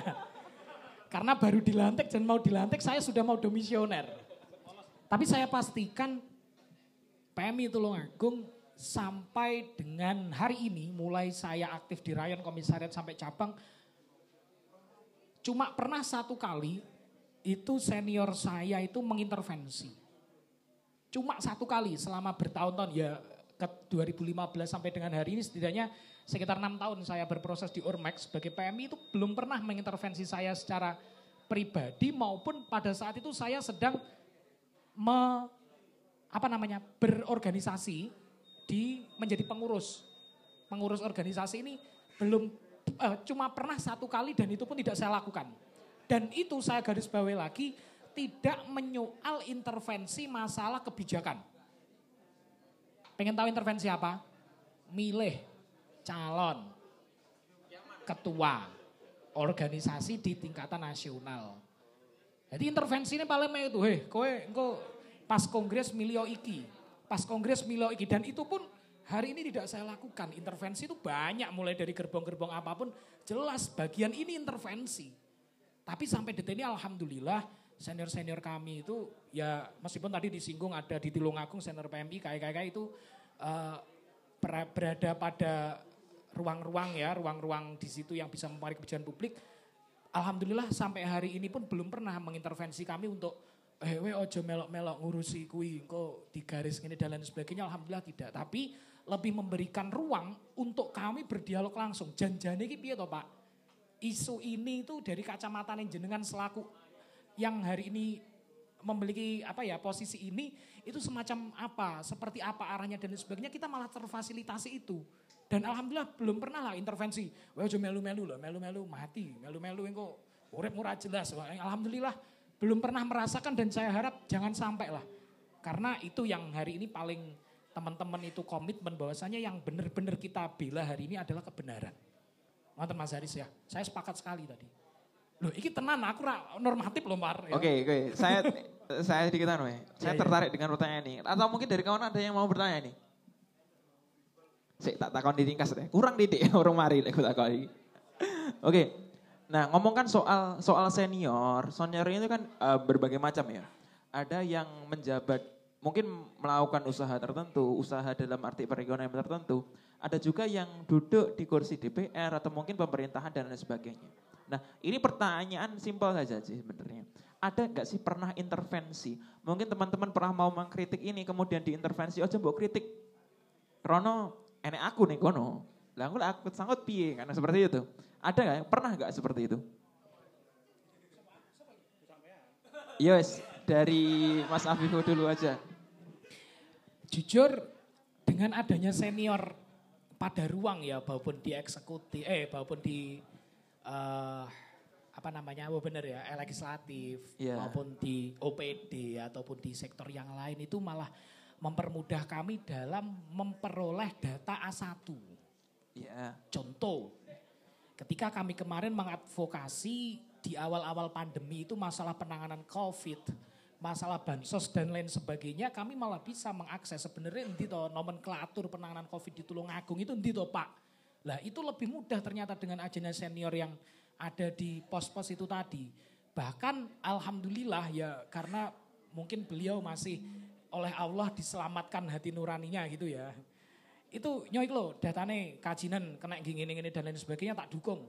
Maka bahkan semacam itu ketika memang kita ingin menyuarakan uh, kebenaran ataupun menyuarakan aspirasi dari masyarakat yang ini memang benar-benar tugas kita. Dan mungkin pada poros-poros ataupun pada ruang-ruang gerakan yang lain semacam itu juga Mas Anwar. Ya meskipun ada beberapa yang beliau mungkin karena uh, apa ya keterbatasan ataupun sesuatu yang tidak bisa akhirnya peh anu e sing iki urung iso ngakses, engko lek wis iso dan lain sebagainya itu menurut saya ya uh, lumrah ataupun ya manusiawi lah karena kalau kita bicara masalah politik ya politik praktis hari ini kan syarat akan kepentingan nih. Cuma alhamdulillah sampai dengan hari ini Tulungagung itu ibaratnya adalah kabupaten yang uh, kultur gerakan politik dan mahasiswanya itu tidak se heroik ya atau se apa namanya sepelik di daerah-daerah yang ada di metropolis. Contoh ya Surabaya, eh, Malang dan juga daerah-daerah itulah ataupun daerah daerah tapal-tapal kuda dan lain sebagainya itu beda. Daerah Pantura itu kita memiliki kultur yang berbeda Tulungagung. Dan alhamdulillah untuk ranah iki nek kebijakan gini aja melu-melu ngadvokasi. Alhamdulillah sampai detik ini belum. Oke, pindah ke GMNI. Gimana, Mas Ebit? Ada? Enggak ada. Enggak ada ya? Enggak ada. Oke. Sudah. Sudah. Ini bener gak ada ini. Oke. Bung Zaris. Oke. Uh, jadi kalau sebenarnya uh, teman-teman akan lebih tahu bagaimana faktanya ketika di lapangan. Di dalam artian apa? Kalau kita runtut beberapa periodisasi atau tahun ya, berdasarkan uh, fakta bagaimana mobilisasi gerakan mahasiswa itu selalu ada di Tulungagung. Ya kan? Nah, di situ jelas berarti bahwa uh, apa pun yang menjadi kebijakan setiap ormek itu pasti ditentukan oleh masing-masing ormek. Nah, cuman uh, entah senior atau alumni itu memasuki di wilayah pertimbangan. Nah, dalam artian begini, uh, kalau kita lihat dalam eskalasi gerakan, pada hari ini ada nggak yang dimatikan gerakannya? Kalau kita demo secara yang terakhir kemarin demo apa melalui BEM kemudian eh, teman-teman uh, Ormek itu sudah menandakan jelas bahwa tidak ada irisannya antara kepen, um, apa ya bahasanya kok kepentingan ya wes kepentingan uh, baik senior maupun alumni yang ada di uh, sistem pemerintahan baik itu legislatif, yudikatif maupun eksekutif. Kira-kira begitu. Kalau kita lihat dalam lapangan per hari ini Tulungagung lah ya. Beda lagi dengan masa pandemi. Nah di dalam artian kalau masa pandemi ini kan e, karena setiap ormek punya coraknya masing-masing dan kita belum menemukan momentum untuk bersama e, mengadvokasi satu kebijakan yang itu sifatnya urgent dan harus kita lakukan segera. Kira-kira begitu. Oke, tepuk tangan untuk Mas Haris, uh, Mas Afifu, dan Bung Ebin. Um, saya undang kawan-kawan untuk melontarkan pertanyaan. Masa cuma saya? Kasihan dong mungkin kawan-kawan pasti punya um, apa ya kegelian-kegelian yang ingin disampaikan pada kesempatan malam hari ini. Silakan Mas, monggo. Oke, oke sampean Mas. Sekedap, sabar nggih. Uh, langsung dua aja enggak apa-apa nanti, monggo. Ini ada mic ini, karena kita ada podcast Mas. Jadi ini konten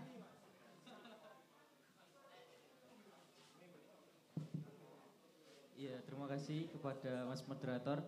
Ya, sebut nama Mas. E, nama Muhammad Maftu, mahasiswa YN Tulungagung. E, tadi kan sudah dijelaskan panjang lebar terkait e, Ormek lah intinya. Sepenangkap sedikit penangkapan saya, selama pembahasan tadi, jika berbicara terkait tentang kebijakan yang sedang entah dikawal atau proses digodok dari masing-masing ormek menangkap tadi dari HMI ada terkait tentang transparansi dana bantuan COVID lalu terkait uh, eh, GMNI tadi tentang sumber mata air kalau nggak salah mohon koreksi lalu yang PMI terkait jam malam. Nah pertanyaan simpel saya adalah uh, kenapa salah satu kebijakan ini tidak istilahnya dikawal secara bersamaan melakukan konsolidasi seluruh ormek Yayan Tulungagung. Maksudnya gini, kalau misalkan PMI e, mengajukan advokasi terkait jam malam, lalu katakanlah eh, HMI atau ormek yang lainnya ikut mengawal atau mengajak untuk mengadvokasi kebijakan ini. Nah, kalau kita bicara sejarah uh, runtuhnya rezim Soeharto pun juga bisa terjadi ketika semuanya bersatu. Uh, kurang lebih seperti itu pertanyaan saya. Terima kasih moderator. Oke, terima kasih Mas. Itu satu pertanyaan. Tepuk tangan untuk Mas siapa tadi? Maftuh. Dadakinnya ya. Oke. Lanjut, Mas yang di sana.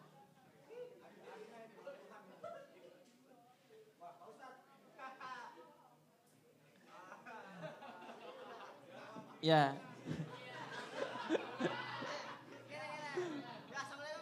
Ya, no, dipakai mic-nya, Mas. Dipakai. Ya. Saya berbicara di depannya aja, enggak usah saya pakai. Kenapa bukan baju? Ya, Assalamualaikum warahmatullahi wabarakatuh. Ya, perkenalkan nama saya MM ya. Ya, saya mau bertanya, Mas. Ini kan mengenai tentang ormek ya, Mas ya? Ya. Mahasiswa sebagai penyambung lidah rakyat. Ini sebagai tokoh-tokoh yang sebenarnya mahasiswa sebagai penyambung lidah rakyat. Yang saya tanyakan nih mahasiswa penyambung lidah rakyat rakyat yang mana rakyat itu ada tiga menurut saya rakyat elit rakyat menengah dan juga rakyat ke bawah kalau rakyat elit pasti mempunyai kepentingan sendiri biasanya kayak gitu lah sebagai tokoh-tokoh terpenting yang ada di sini bagaimana menyikapi itu dan juga kalau rakyat yang tengah ini rakyatnya biasanya mendukung tapi kalau rakyat ke bawah bawah itu biasanya cuma memikirkan sandang pangan makan yang penting sudah kayak gitu sudah ya pertanyaan saya cuma kayak gitu aja bagaimana menyikapi apa jenisnya tiga itu mas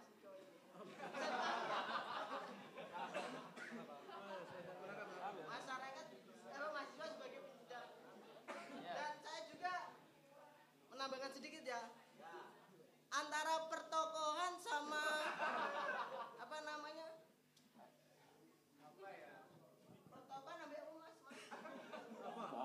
senioran persenioran rumah saku rumah saku ya mas ya, ya, ya. pertokohan itu baik tapi kalau per, persenioran itu rumah saku nggak baik masalah gini kalau pertokohan kita kita mengambil suatu keilmuan atau yang ada yang kita panutkan kalau persenioran rumah saku kan dia sudah jadi tokoh ternama tokoh umum dia membayar kita pun kita mengaspirasikan suatu apa namanya aspirasi setelah kita demo kalau kita dibayar sama senior kita mau buat apa kan lucunya di situ kan ya sekian dari saya salam assalamualaikum Tepuk tangan yang meriah untuk Mas MM tadi ya. Up, up, up, up, ya. Jangan ramai ini akan ditanggapi. Tak kira mana merdeka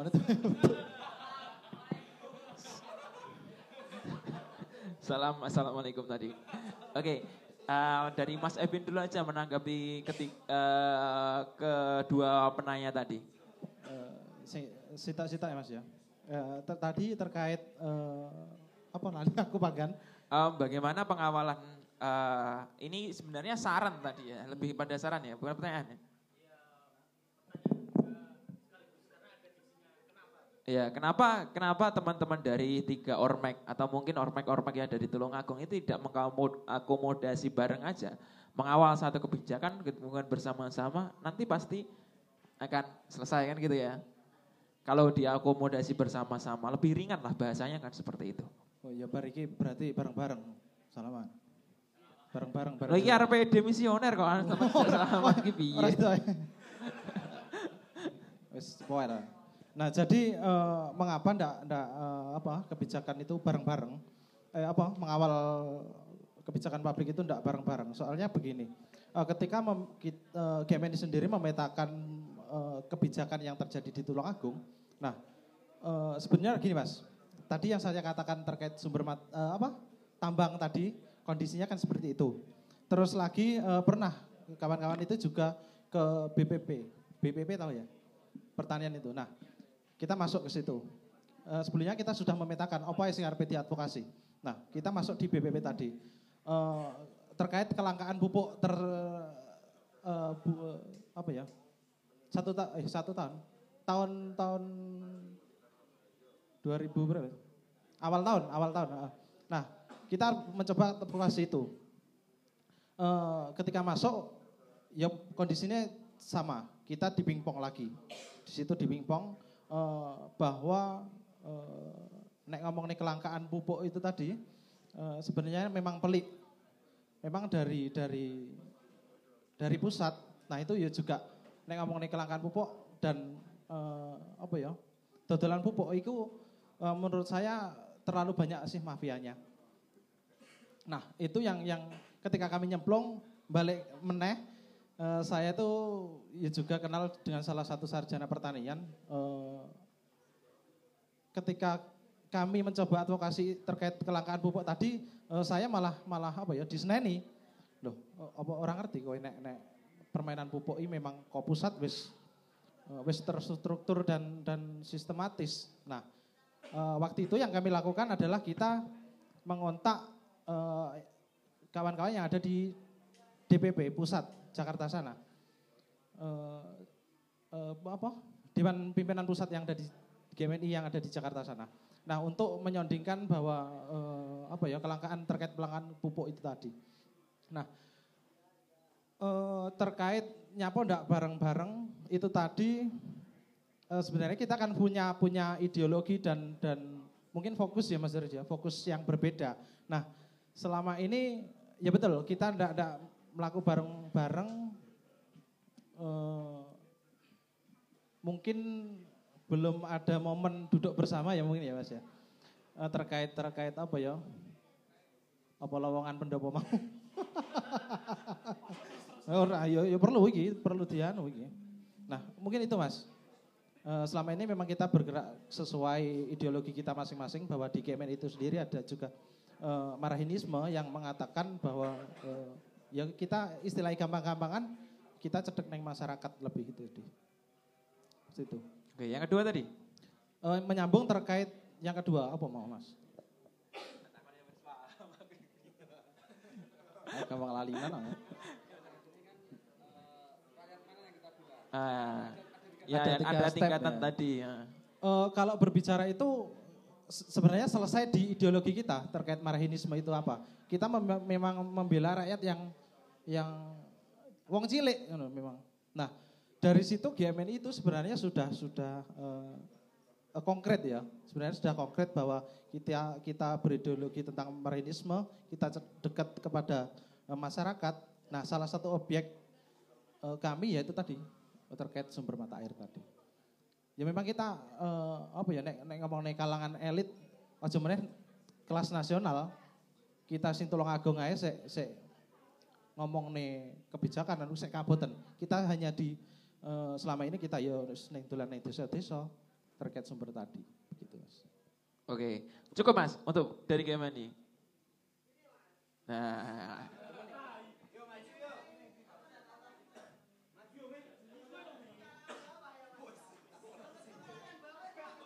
makan dan juga bagaimana dia itu hidup. Dan kalau apa namanya kalau kita melihat dari elit ya, kan kebanyakan kalau kita mengenai senioritas ya mas ya, senioritas kan kalau sudah menjadi tokoh tokoh atas dari ormek yang telah dianu, pasti kan kalau bersenioritas kalau sudah ada jadi tokoh kayak DPR lah. Kalau kita mengkritik DPR, kalau ada senior kita di atas, terus kita dikasih uang, terus kita mengambil itu, kita ya berarti kan kita menyambung lidah rakyat elit. Gitu kan bisa gitu. Kalau menyikapi itu loh mas, menyikapi, Men- menyikapi tiga itu, elit, menengah sama ke bawah. Soalnya dewe aku ya wong cilik. Jadi ya merasa setan. Karena gede.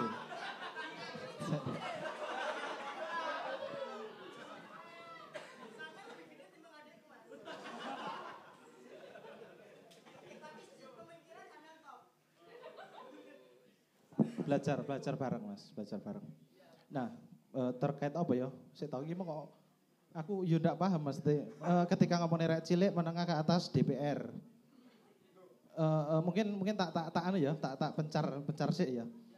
Nah tadi terkait terkait ini ya benar saya sepakat bahwa eh, ketika ngomong ormek itu adalah penyambung lidah rakyat. Dan jelas yang dikatakan Bung Karno bahwa bahwa eh, kita ya harus sebagai sebagai apa ya nek nih wong sing intelektual kudune yo yo menyambung tadi di dua gap tadi.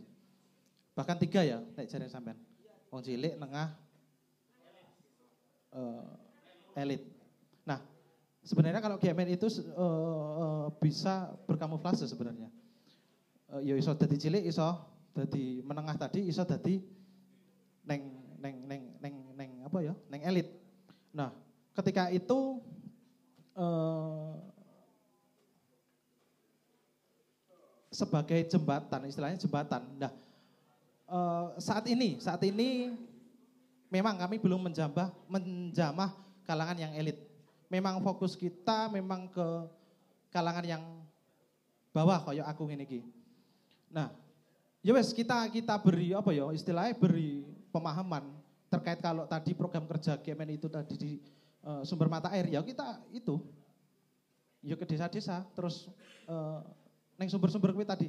Nah, kita sebagai rakyat kecil kalau seperti itu. Nah, eh, kalau memang eh, secara ke atas kita memang belum, Mas. Memang belum. Nah, ini sedang sedang proses. Tapi yang kami tekankan yo neng neng itu tadi masyarakat yang bawah tadi. Seperti itu. Kalau kita eh, ngomong namanya gerak, memang pergerakan kami buka, eh, belum belum besar. Tapi kita memberi eh, semacam sentuhan apa ya? Sentuhan sing manis gitu kan. Seperti itu, Mas. Oke, biar nanti dilanjutkan jawabannya dulu nanti ya. Oke, Mas Afifu. Bung Afifu. Eh, gini mas, mas siapa namanya yang pertanyaan barusan, yang kedua? MM. Wah, marksman. oh pantas. Jadi gini mas, ini saya pahamkan dulu jenengan ya, bahwasannya kelompok elit mas, kelompok elit ini dalam menginginkan suatu kebijakan berpihak kepada mereka. Tidak harus pakai teman-teman mahasiswa ini malah mereka lebih konkret mas, dengan membeli kebijakan. Itu yang harus sampean paham, entah tahu apa belum. Satu ataupun sampean oh iya kira-kira ngono. Jadi kelompok-kelompok elit ini dalam memperjuangkan kebijakannya, eh, dalam memperjuangkan kepentingannya untuk bagaimana kebijakan itu eh, menguntungkan kelompok mereka. Tidak harus ataupun teman-teman mahasiswa ini istilahnya dipandang sebelah mata lah. Yalah sama mahasiswa kelarangan dibang ngurusi demo-demo ini mending nuku kebijakan titip misal berapa M ataupun berapa triliun kok iki perizinan iki dan lain sebagainya berikan kemudahan atau berikan akses tanpa harus teman-teman mahasiswa. Nah, dan dari adanya mahasiswa ini Mas, organisasi ekstra kampus ini memang dari dulu dan sampai dengan sekarang yang kita advokasi yang kita dampingi sebagai penyalur lidah rakyat itu ya memang dari kelompok-kelompok yang Yon Sewu bahasa kerennya teman-teman aktivis ini termarginalkan itu mas. Mustad Afin kalau bahasanya. Nah, ini malah diingatkan sama Mas Haris ini ya. Itu. Itu kita harus harus di sini harus tahu dulu mas. Ketika Samen tadi membincang masalah tiga kelompok masyarakat atau tiga level gitu ya masyarakat. Ini belum lagi dikarenakan politik tahun politik 2014 sampai dengan hari ini masyarakat Indonesia itu terpecah menjadi mas, rakyat 01 dan rakyat 02. Belum pada eh, apa namanya subjek yang ini mas. Kalaupun tadi jenengan tanyakan sebagai penyambung lidah rakyat ini rakyat mana yang dibela, kami pastikan dari organisasi ekstra kampus di mana pun yang paling utama dan pertama yang dilakukan adalah membela kebenaran-kebenaran dan juga hak-hak dari masyarakat. Contoh, sampai semester berapa mas? Alhamdulillah, berarti sudah kuliah dua tahun itu ya. Ketika dua tahun ini berada, kuliahnya di Tulungagung kan? Aslinya di mana mas? Sorong itu Papua ya? Oh ya wes. Wah iki iki Pak, anak polisi nih kene, Pak, Pak. Anak polisi gini gini, anak intel. Kaosnya abang Pak. Jadi Mas, termasuk beberapa hal ya, terutama di Tulungagung itu banyak sekali Mas, termasuk kita dari mas-masnya dulu kalau bahasanya senior ya. Senioritas mungkin yang sama maksudkan di sini kurang sepakat dengan istilah itu sehingga lebih sepakat dengan istilah apa tadi tokoh. Tokoh penokohan. Nah, mungkin saya eh, kalau ini yang namanya senior itu sebenarnya istilah saja sih, Mas. Ketika kita memiliki seorang kakak tingkat ataupun kakak anti angkatan atas, itu disebut senior itu sebuah hal yang lazim dan ketika jenengan tadi yang jenengan sampaikan mungkin adalah sebuah bentuk senioritas yang di mana itu me, apa ya bahasanya mengintervensi gerakan teman-teman yang menjadi kadernya gitu. Itu saya juga tidak sepakat. Tapi istilah senior ini penting mas, dikarenakan pengetahuan kita sebagai manusia itu pasti terbatas. Apalagi dengan gerakan-gerakan terdahulu dari mana kalau kita tidak tahu, tidak ngangsu kaweruh dari senior. Contoh, galian C di Kabupaten Tulungagung saja itu sudah bertahun-tahun. Mulai saya masih saya masih ingat betul ketika itu masih man kelas 1 kalau enggak kelas 2 SMA. Berarti itu sekitar aku kuliah 6 tahun tambah 5, sekitar berapa itu? 3, sekitar 9 tahun yang lalu lah atau 8 tahun yang lalu itu sama Mas Ikhwan dari PPLH Mangkubumi itu diajak Mas Wisan demo pas waktu hari bumi yang menyuarakan tentang isu-isu lingkungan, kerusakan alam dan titiknya galian C di Tulungagung mas. Itu, pada aku urung mahasiswa pada saat itu jak demo ngono di okeri, di celontengi biyen OT-OT ning dalan kayak pah geweton ah panas kon ceker ngono gelem ya jalan. Waktu masih SMA itu saya lakukan pada saat itu. Sehingga dalam artian mas, senior-senior ini tidak semuanya mas memiliki sebuah tren negatif yang dianggap senioritas yang mengintervensi tadi tidak semuanya. Bahwasanya memang seperti beliau-beliau ini yang pada ruang-ruang uh, konkret ya dalam melakukan pendampingan sosial ataupun LSM dan lain sebagainya ini juga tetap merawat semangat itu terhadap kader-kadernya. Itu pertanyaannya sampean uh, terserah penerimanya seperti apa tapi penjelasan saya kurang lebih seperti itu. Kalau yang jenengan tanya yang dibela mana yang jelas tidak ada Ormek itu yang dalam nomenklaturnya atau dari segi ideologisasi dan doktrinnya untuk membela kalangan tertentu. Karena bagaimanapun juga mahasiswa sebagai Ormek ini kan teman-teman yang masih aktif ya. Itu memang senior-senior itu juga memiliki komitmen untuk bagaimana akal sehat teman-teman ini, nalar kritisnya, hiroh gerakannya benar-benar dirawat ketika masih menjadi aktivis mahasiswa siswa. Itu yang pertanyaannya Mas MM. Ya. Kalau pertanyaan Mas yang pertama. Simple. Kemarin hasil dari saya, Mas Haris, Mas Epin, Mas Ilham yang hari ini dah hadir. Ya. Kebetulan uh, satu minggu ya kalau nggak salah. Satu minggu sebelum kegiatan ini itu uh, kumpul. Betul. Mengadakan kegiatan juga. Nah dari situ memang tahun-tahun yang lalu organ gerakan di Tulungagung ini kalau yang kita kenal dengan istilah Cipayung ya, gerakan Cipayung aliansi Ormek itu ya. Itu memang seingat saya belum pernah terjalin uh, komunikasi dengan baik. Hmm. Tapi kami kemarin sudah bersepakat piye lek bariki gaya arisan. Ini juga teman-teman di sini banyak yang Ormek, baik pengurus cabang, rayon ataupun komisariat yang ada di sini ini tolong benar-benar menjadi atensi khusus. Selama ini uh, kita itu belum pernah loh istilahnya duduk bersama membincang suatu hal. Tapi setidaknya misal kita menginventarisir dari 10 persoalan yang ada di Kabupaten Tulungagung Moso'o. Dari 10 isi tok ndak enak yang bisa di uh, ya bisa di apa ya namanya advokasi bareng ataupun melakukan gerakan bareng itu adalah tawaran yang dalam penerjemahannya nasi ini kami juga ngopi-ngopi bincang-bincang gaya arisan arisannya bukan arisan duit tapi bagaimana arisan tema apa sih yang sebenarnya yang dibahas itu dalam rangka ya ini tadi bagaimanapun juga kita yakin bahwasanya satu lidi itu akan gampang patah daripada puluhan lidi ataupun ranting yang itu diikat bareng-bareng ketika dipatahkan akan sulit.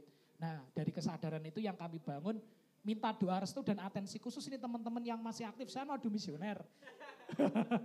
Alasan nih. Loh enggak, setidaknya ya, ya tetap siap. Nanti pas meskipun sudah tidak menjadi pengurus aktif, kalau untuk membincang-bincang semacam eh, isu-isu uh, apa yang ingin diadvokasi monggo. Kan gitu toh. Okay. Jadi seperti itu Mas Maftuh tadi ya yang pertanyaan pertama.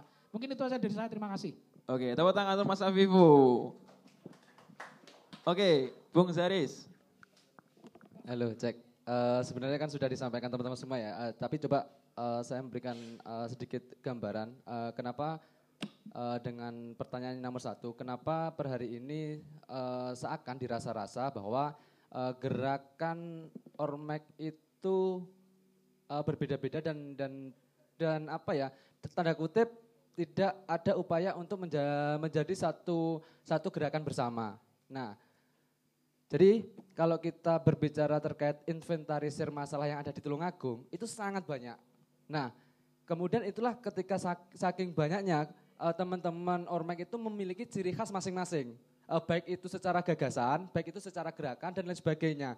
Inilah yang kemudian dirasa mana yang sekiranya eh, akses yang yang bisa kita mudah untuk kita advokasi yang pertama. Karena sebenarnya kan tidak hanya tiga hal itu ya. Banyak sekali kalau dikatakan Mas Afifu tadi ada 10 atau lebih dan sebagainya. Nah,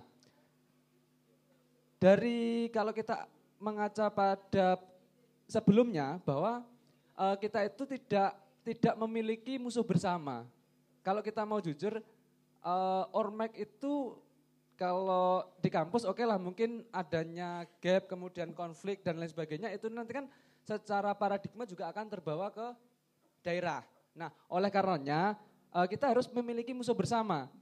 Ya, ya musuhnya Ormek A, B, C, D, E, F. Apa or, apa musuhnya? Ya kita cari bersama di dalam artian melalui gagasan-gagasan kecil itu. Sehingga apa yang dikatakan Benedict Anderson ya terkait eh, imaji, imajinasi bersama itu mampu mengakomodir semua dan mampu kita membuat gerakan bersama. Dan catatan saya sebenarnya ketika berbicara gerakan bersama itu tidak hanya Ormek. Harusnya mahasiswa yang non Ormek. Baik itu di eh, secara representatif itu adalah BEM dan turunannya, SEMA dan turunannya, bahkan yang kita harapkan apa? Masyarakat sipil yang memang eh, masyarakat sipil itu tidak berkesempatan untuk masuk di perguruan tinggi. Caranya bagaimana? Salah satunya kalau kita kaitkan dengan eksistensi ya, salah satunya adalah dari eksistensi yang kemudian ada masing-masing ormet diakumulasikan menjadi satu eksistensi eh, besar. Ya ayo kita buat orkestrasi sama mobilisasi di apa? Di media sosial. Sehingga tidak hanya ormet tidak ada mahasiswa, tapi seluruh masyarakat Tulungagung. Kira-kira begitu. Ya, itu yang pertama. Amin. Nah, saya rasa juga adanya diskusi seperti ini, ini juga akan ya minimal nanti menjadi salah satu apa ya eh, bisa stimulus atau bisa bisa menjadikan ini adalah representasi bahwa banyak loh sebenarnya orang-orang yang peduli Tulungagung dan ayo kita bersama-sama Amin. itu. Kemudian yang kedua, eh, saya mengapresiasi semangat ya. Jadi kan pada intinya saya lebih lebih fokus ke semangatnya tadi daripada pertanyaannya. Iya, serius. Jadi eh, pada intinya kan tergantung semangatnya nanti tinggal dialihkan atau di coping di coping ke mana. Iya. Nah, itu. Tapi pada faktanya sebenarnya betul eh, kalau kita berbicara organisasi, masyarakat mana yang kita harus bela? Jelas mustatafin kalau bahasa teman-teman yang memang itu basisnya basis ideologisasi Islam. Ya, ya begitu ya Mas Habib ya. Ya, kaum-kaum tertindas.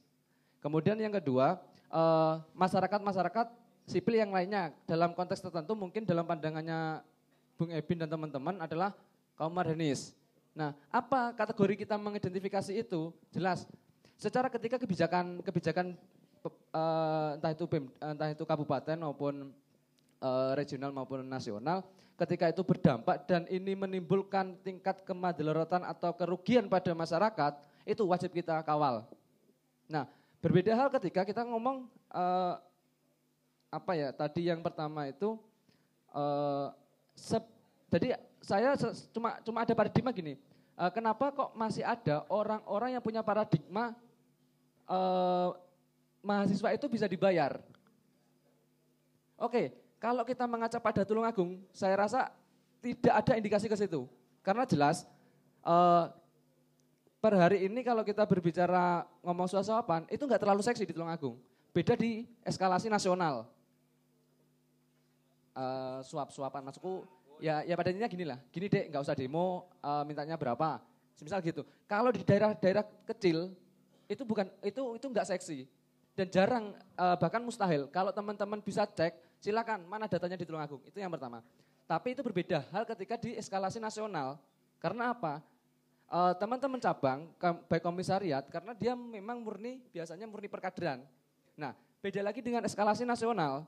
Lah eskalasi nasional ini uh, paradigma idealisnya itu uh, mungkin sedikit bergeser ya. Uh, dia lebih realistis, lebih sedikit pragmatis. Karena apa? Per hari ini di nasional kebanyakan menjadi pengurusnya adalah orang-orang yang bekerja. Beda dengan teman-teman hari ini kalau semisal uh, kita mahasiswa dan uh, masih punya idealis uh, untuk mengatakan per hari ini di, Tulung, di Tulungagung ada kasus seperti itu, per hari, bagi saya secara pribadi itu tidak ada indikasinya. Maka yang lebih penting daripada itu bagaimana adalah Eh, teman-teman uh, kita ngomong gerakan bersama adalah mengawal kaum mustadafin atau kaum marhen ya. Kira-kira begitu. Oke tepuk tangan untuk Bung Zaris. Hah, saya kasih satu kesempatan satu pertanyaan aja. Satu pertanyaan saja. Kalau cukup kita oh ya silakan. Ini terakhir ya yang jelas mas pertanyaannya. Oke. Saya Wildan dari mahasiswa IAIN. E, menarik yang diucapkan Mas yang berbaju hitam tadi. Bahwa kita perlu berorkestrasi membangun sebuah gerakan yang konkret. Tapi pemaparan dari awal tadi dari mas-mas yang disampaikan, advokasi-advokasi yang dilakukan adalah advokasi-advokasi kepada pemerintah. Yang menurut saya itu advokasi yang e, menurut saya itu terlalu elitis banget Lalu langkah konkret apa yang sudah dilakukan oleh mas-mas yang di eh, mas-mas yang di depan ini terkait advokasi terhadap uh, masyarakat di bawah baik masyarakat akademik maupun non akademik. Terima kasih. Ya. Oke. Um, Mas Afio dulu aja.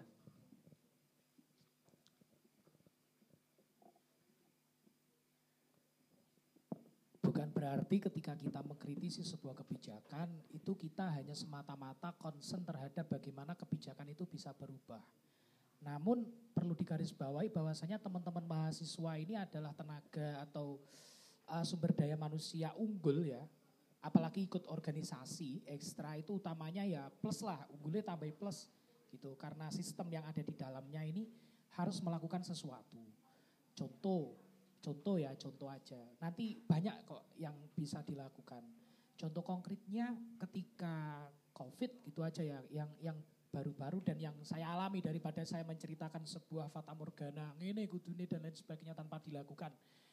Ketika tanggal 27 eh, Mei tahun lalu uh, dari PMI Tulungagung itu mengirimkan surat tuntutan kepada gugus tugas Kabupaten Tulungagung perihal penanganan COVID mulai dari bansos, kemudian dampak sosial, dampak psikososial terhadap masyarakat itu bukan hanya kita bagaimana ini biar diperhatikan, namun kita juga melakukan uh, aktivitas langsung turun ke bawah, Mas. Contoh, kebetulan tahun kemarin itu berbarengan dengan momen Ramadan dan juga Idul Fitri yang pada saat itu banyak sekali organisasi-organisasi ataupun kelompok-kelompok yang memprogramkan adanya bantuan sembako kan gitu ya. Iya. Nah kita di PMI ini menangkap itu mas, menangkap itu ada juga dikatakan tadi nyapot pentingnya melo organisasi ekstra, ada senior yang di tingkat pusat itu memprogramkan untuk memberikan sembako di tingkat nasional. Kita minta jatah.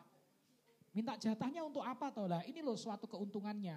Dari situ yang PMI Tulungagung lakukan pada saat itu waktu masih COVID ini sangat horor ya, terjadi diskriminasi di mana-mana, bahkan rumah-rumah penduduk itu yang ada pasien suspeknya itu sampai di KI prank, di rafia, mubeng omai ketika yang bersangkutan keluarga keluar itu terus disuting-suting dah oleh metu, dikucilkan, di eh, PHK dari pekerjaannya. Dan bahkan seakan-akan COVID itu dipastikan kena COVID ini mati. Nah itu kami dengan data yang dimiliki pasien-pasien itu rumahnya mana, itu berdasar ada teman-teman PMI yang bertugas di pusat karantina juga, yang akhirnya kita turun ke masyarakat melakukan pendampingan langsung terhadap masyarakat dan lingkungannya agar hal-hal itu bisa terselesaikan dan memberikan pemahaman. Tidak semengerikan itu kok COVID. Mereka itu semua juga manusia harus dimanusiakan. Dan itu tadi sembako yang kami minta jatah dari jaringan senior ataupun alumni dari misal PMI gitu ya, itu bisa kita alokasikan. Jadi kita moro nang wong ndak omong kolobot.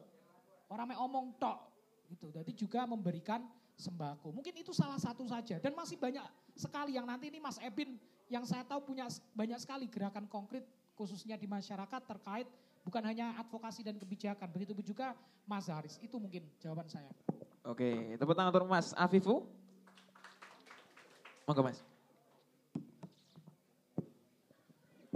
Uh, sebelumnya begini Mas, uh, terkait advokasi sebenarnya uh, kita lebih lebih ini dulu. Posisi ormek itu seperti apa? Kalau terkait advokasi itu sebenarnya sudah sudah seharusnya loh ya seharusnya itu sudah selesai di sebelah timur alun-alun itu. Gedung-gedung yang gede itu. Nah, nah e, mengapa muncul muncul apa ya? Anggapan bahwa bahwa ormek itu harus advokasi neng neng pemerintahan. Loh, sebenarnya kita punya DPR loh. Apa wong-wong wis tidak percaya nih DPR? E, mungkin ini anggapan e, terkait e, konco-konco neng kini apa DPR wis mulai luntur uh, seharusnya mengawal ke, uh, apa uh, kebijakan pemerintah yang yang di sini uh, eksekutifnya ya. Nah, uh, saya kira itu tadi kita harus mengukur uh, kemampuan dulu dalam dalam bergerak. Nah itu yang pertama. Terus yang kedua uh, langkah konkret sudah saya jelaskan di awal tadi bahwa mungkin kalau nek kalau ngomong nih sumber mata air mungkin nek nek cah nom nom tidak menarik aslinya. Apa sih sumber mata air? Kita sumber mata air wes apa? Wes nek ngarani apa ya? Wes tidak menarik you Tapi uh, yang saya tekankan kepada teman-teman itu bahwa uh, air itu adalah sumber penghidupan, Mas. Nah, uh, ketika musim kering, nek sumber itu yo kering, nah apa sing sing arepe di ditok neneng masyarakat. Nah, e, dari sini tadi dari acara hari ini tadi e, sebenarnya itu yang yang perlu kami sampaikan bahwa ya ya wes kita fokus di e, sumber mata air tadi. Itu itu langkah yang yang menurut kami konkret. Nah, kita eling nih. nah, e, begini e, terkait e, gerakan dalam mengawal Tridharma perguruan tinggi kemarin juga sempat diskusi dengan uh, Bung Haris dan uh, Bung Abibu uh, satu minggu kemarin bahwa uh, sebenarnya GMNI sendiri sudah uh, mengawal kebijakan terkait apa ya eh Tridharma itu begitu kebijakan uh, terkait pengawalan Tridharma perguruan tinggi di di kampus saya di UBI. Nah kebetulan uh, apa ya Presiden BEM itu juga juga hadir dan itu juga uh, salah satu kader dari dari GMNI juga Mas ada Mas Maman. Selamat malam Mas Maman.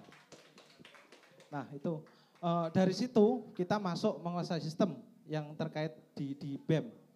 Uh, kita bekerja sama dengan lembaga, uh, kita mengadakan bimbel di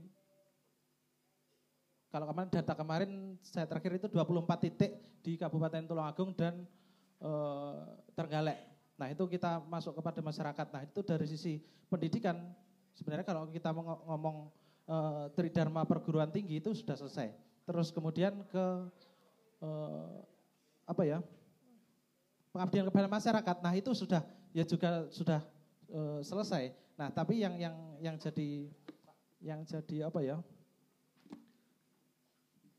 terkait penelitian. Nah memang memang belum fokus ke bimbel itu diteliti seperti itu.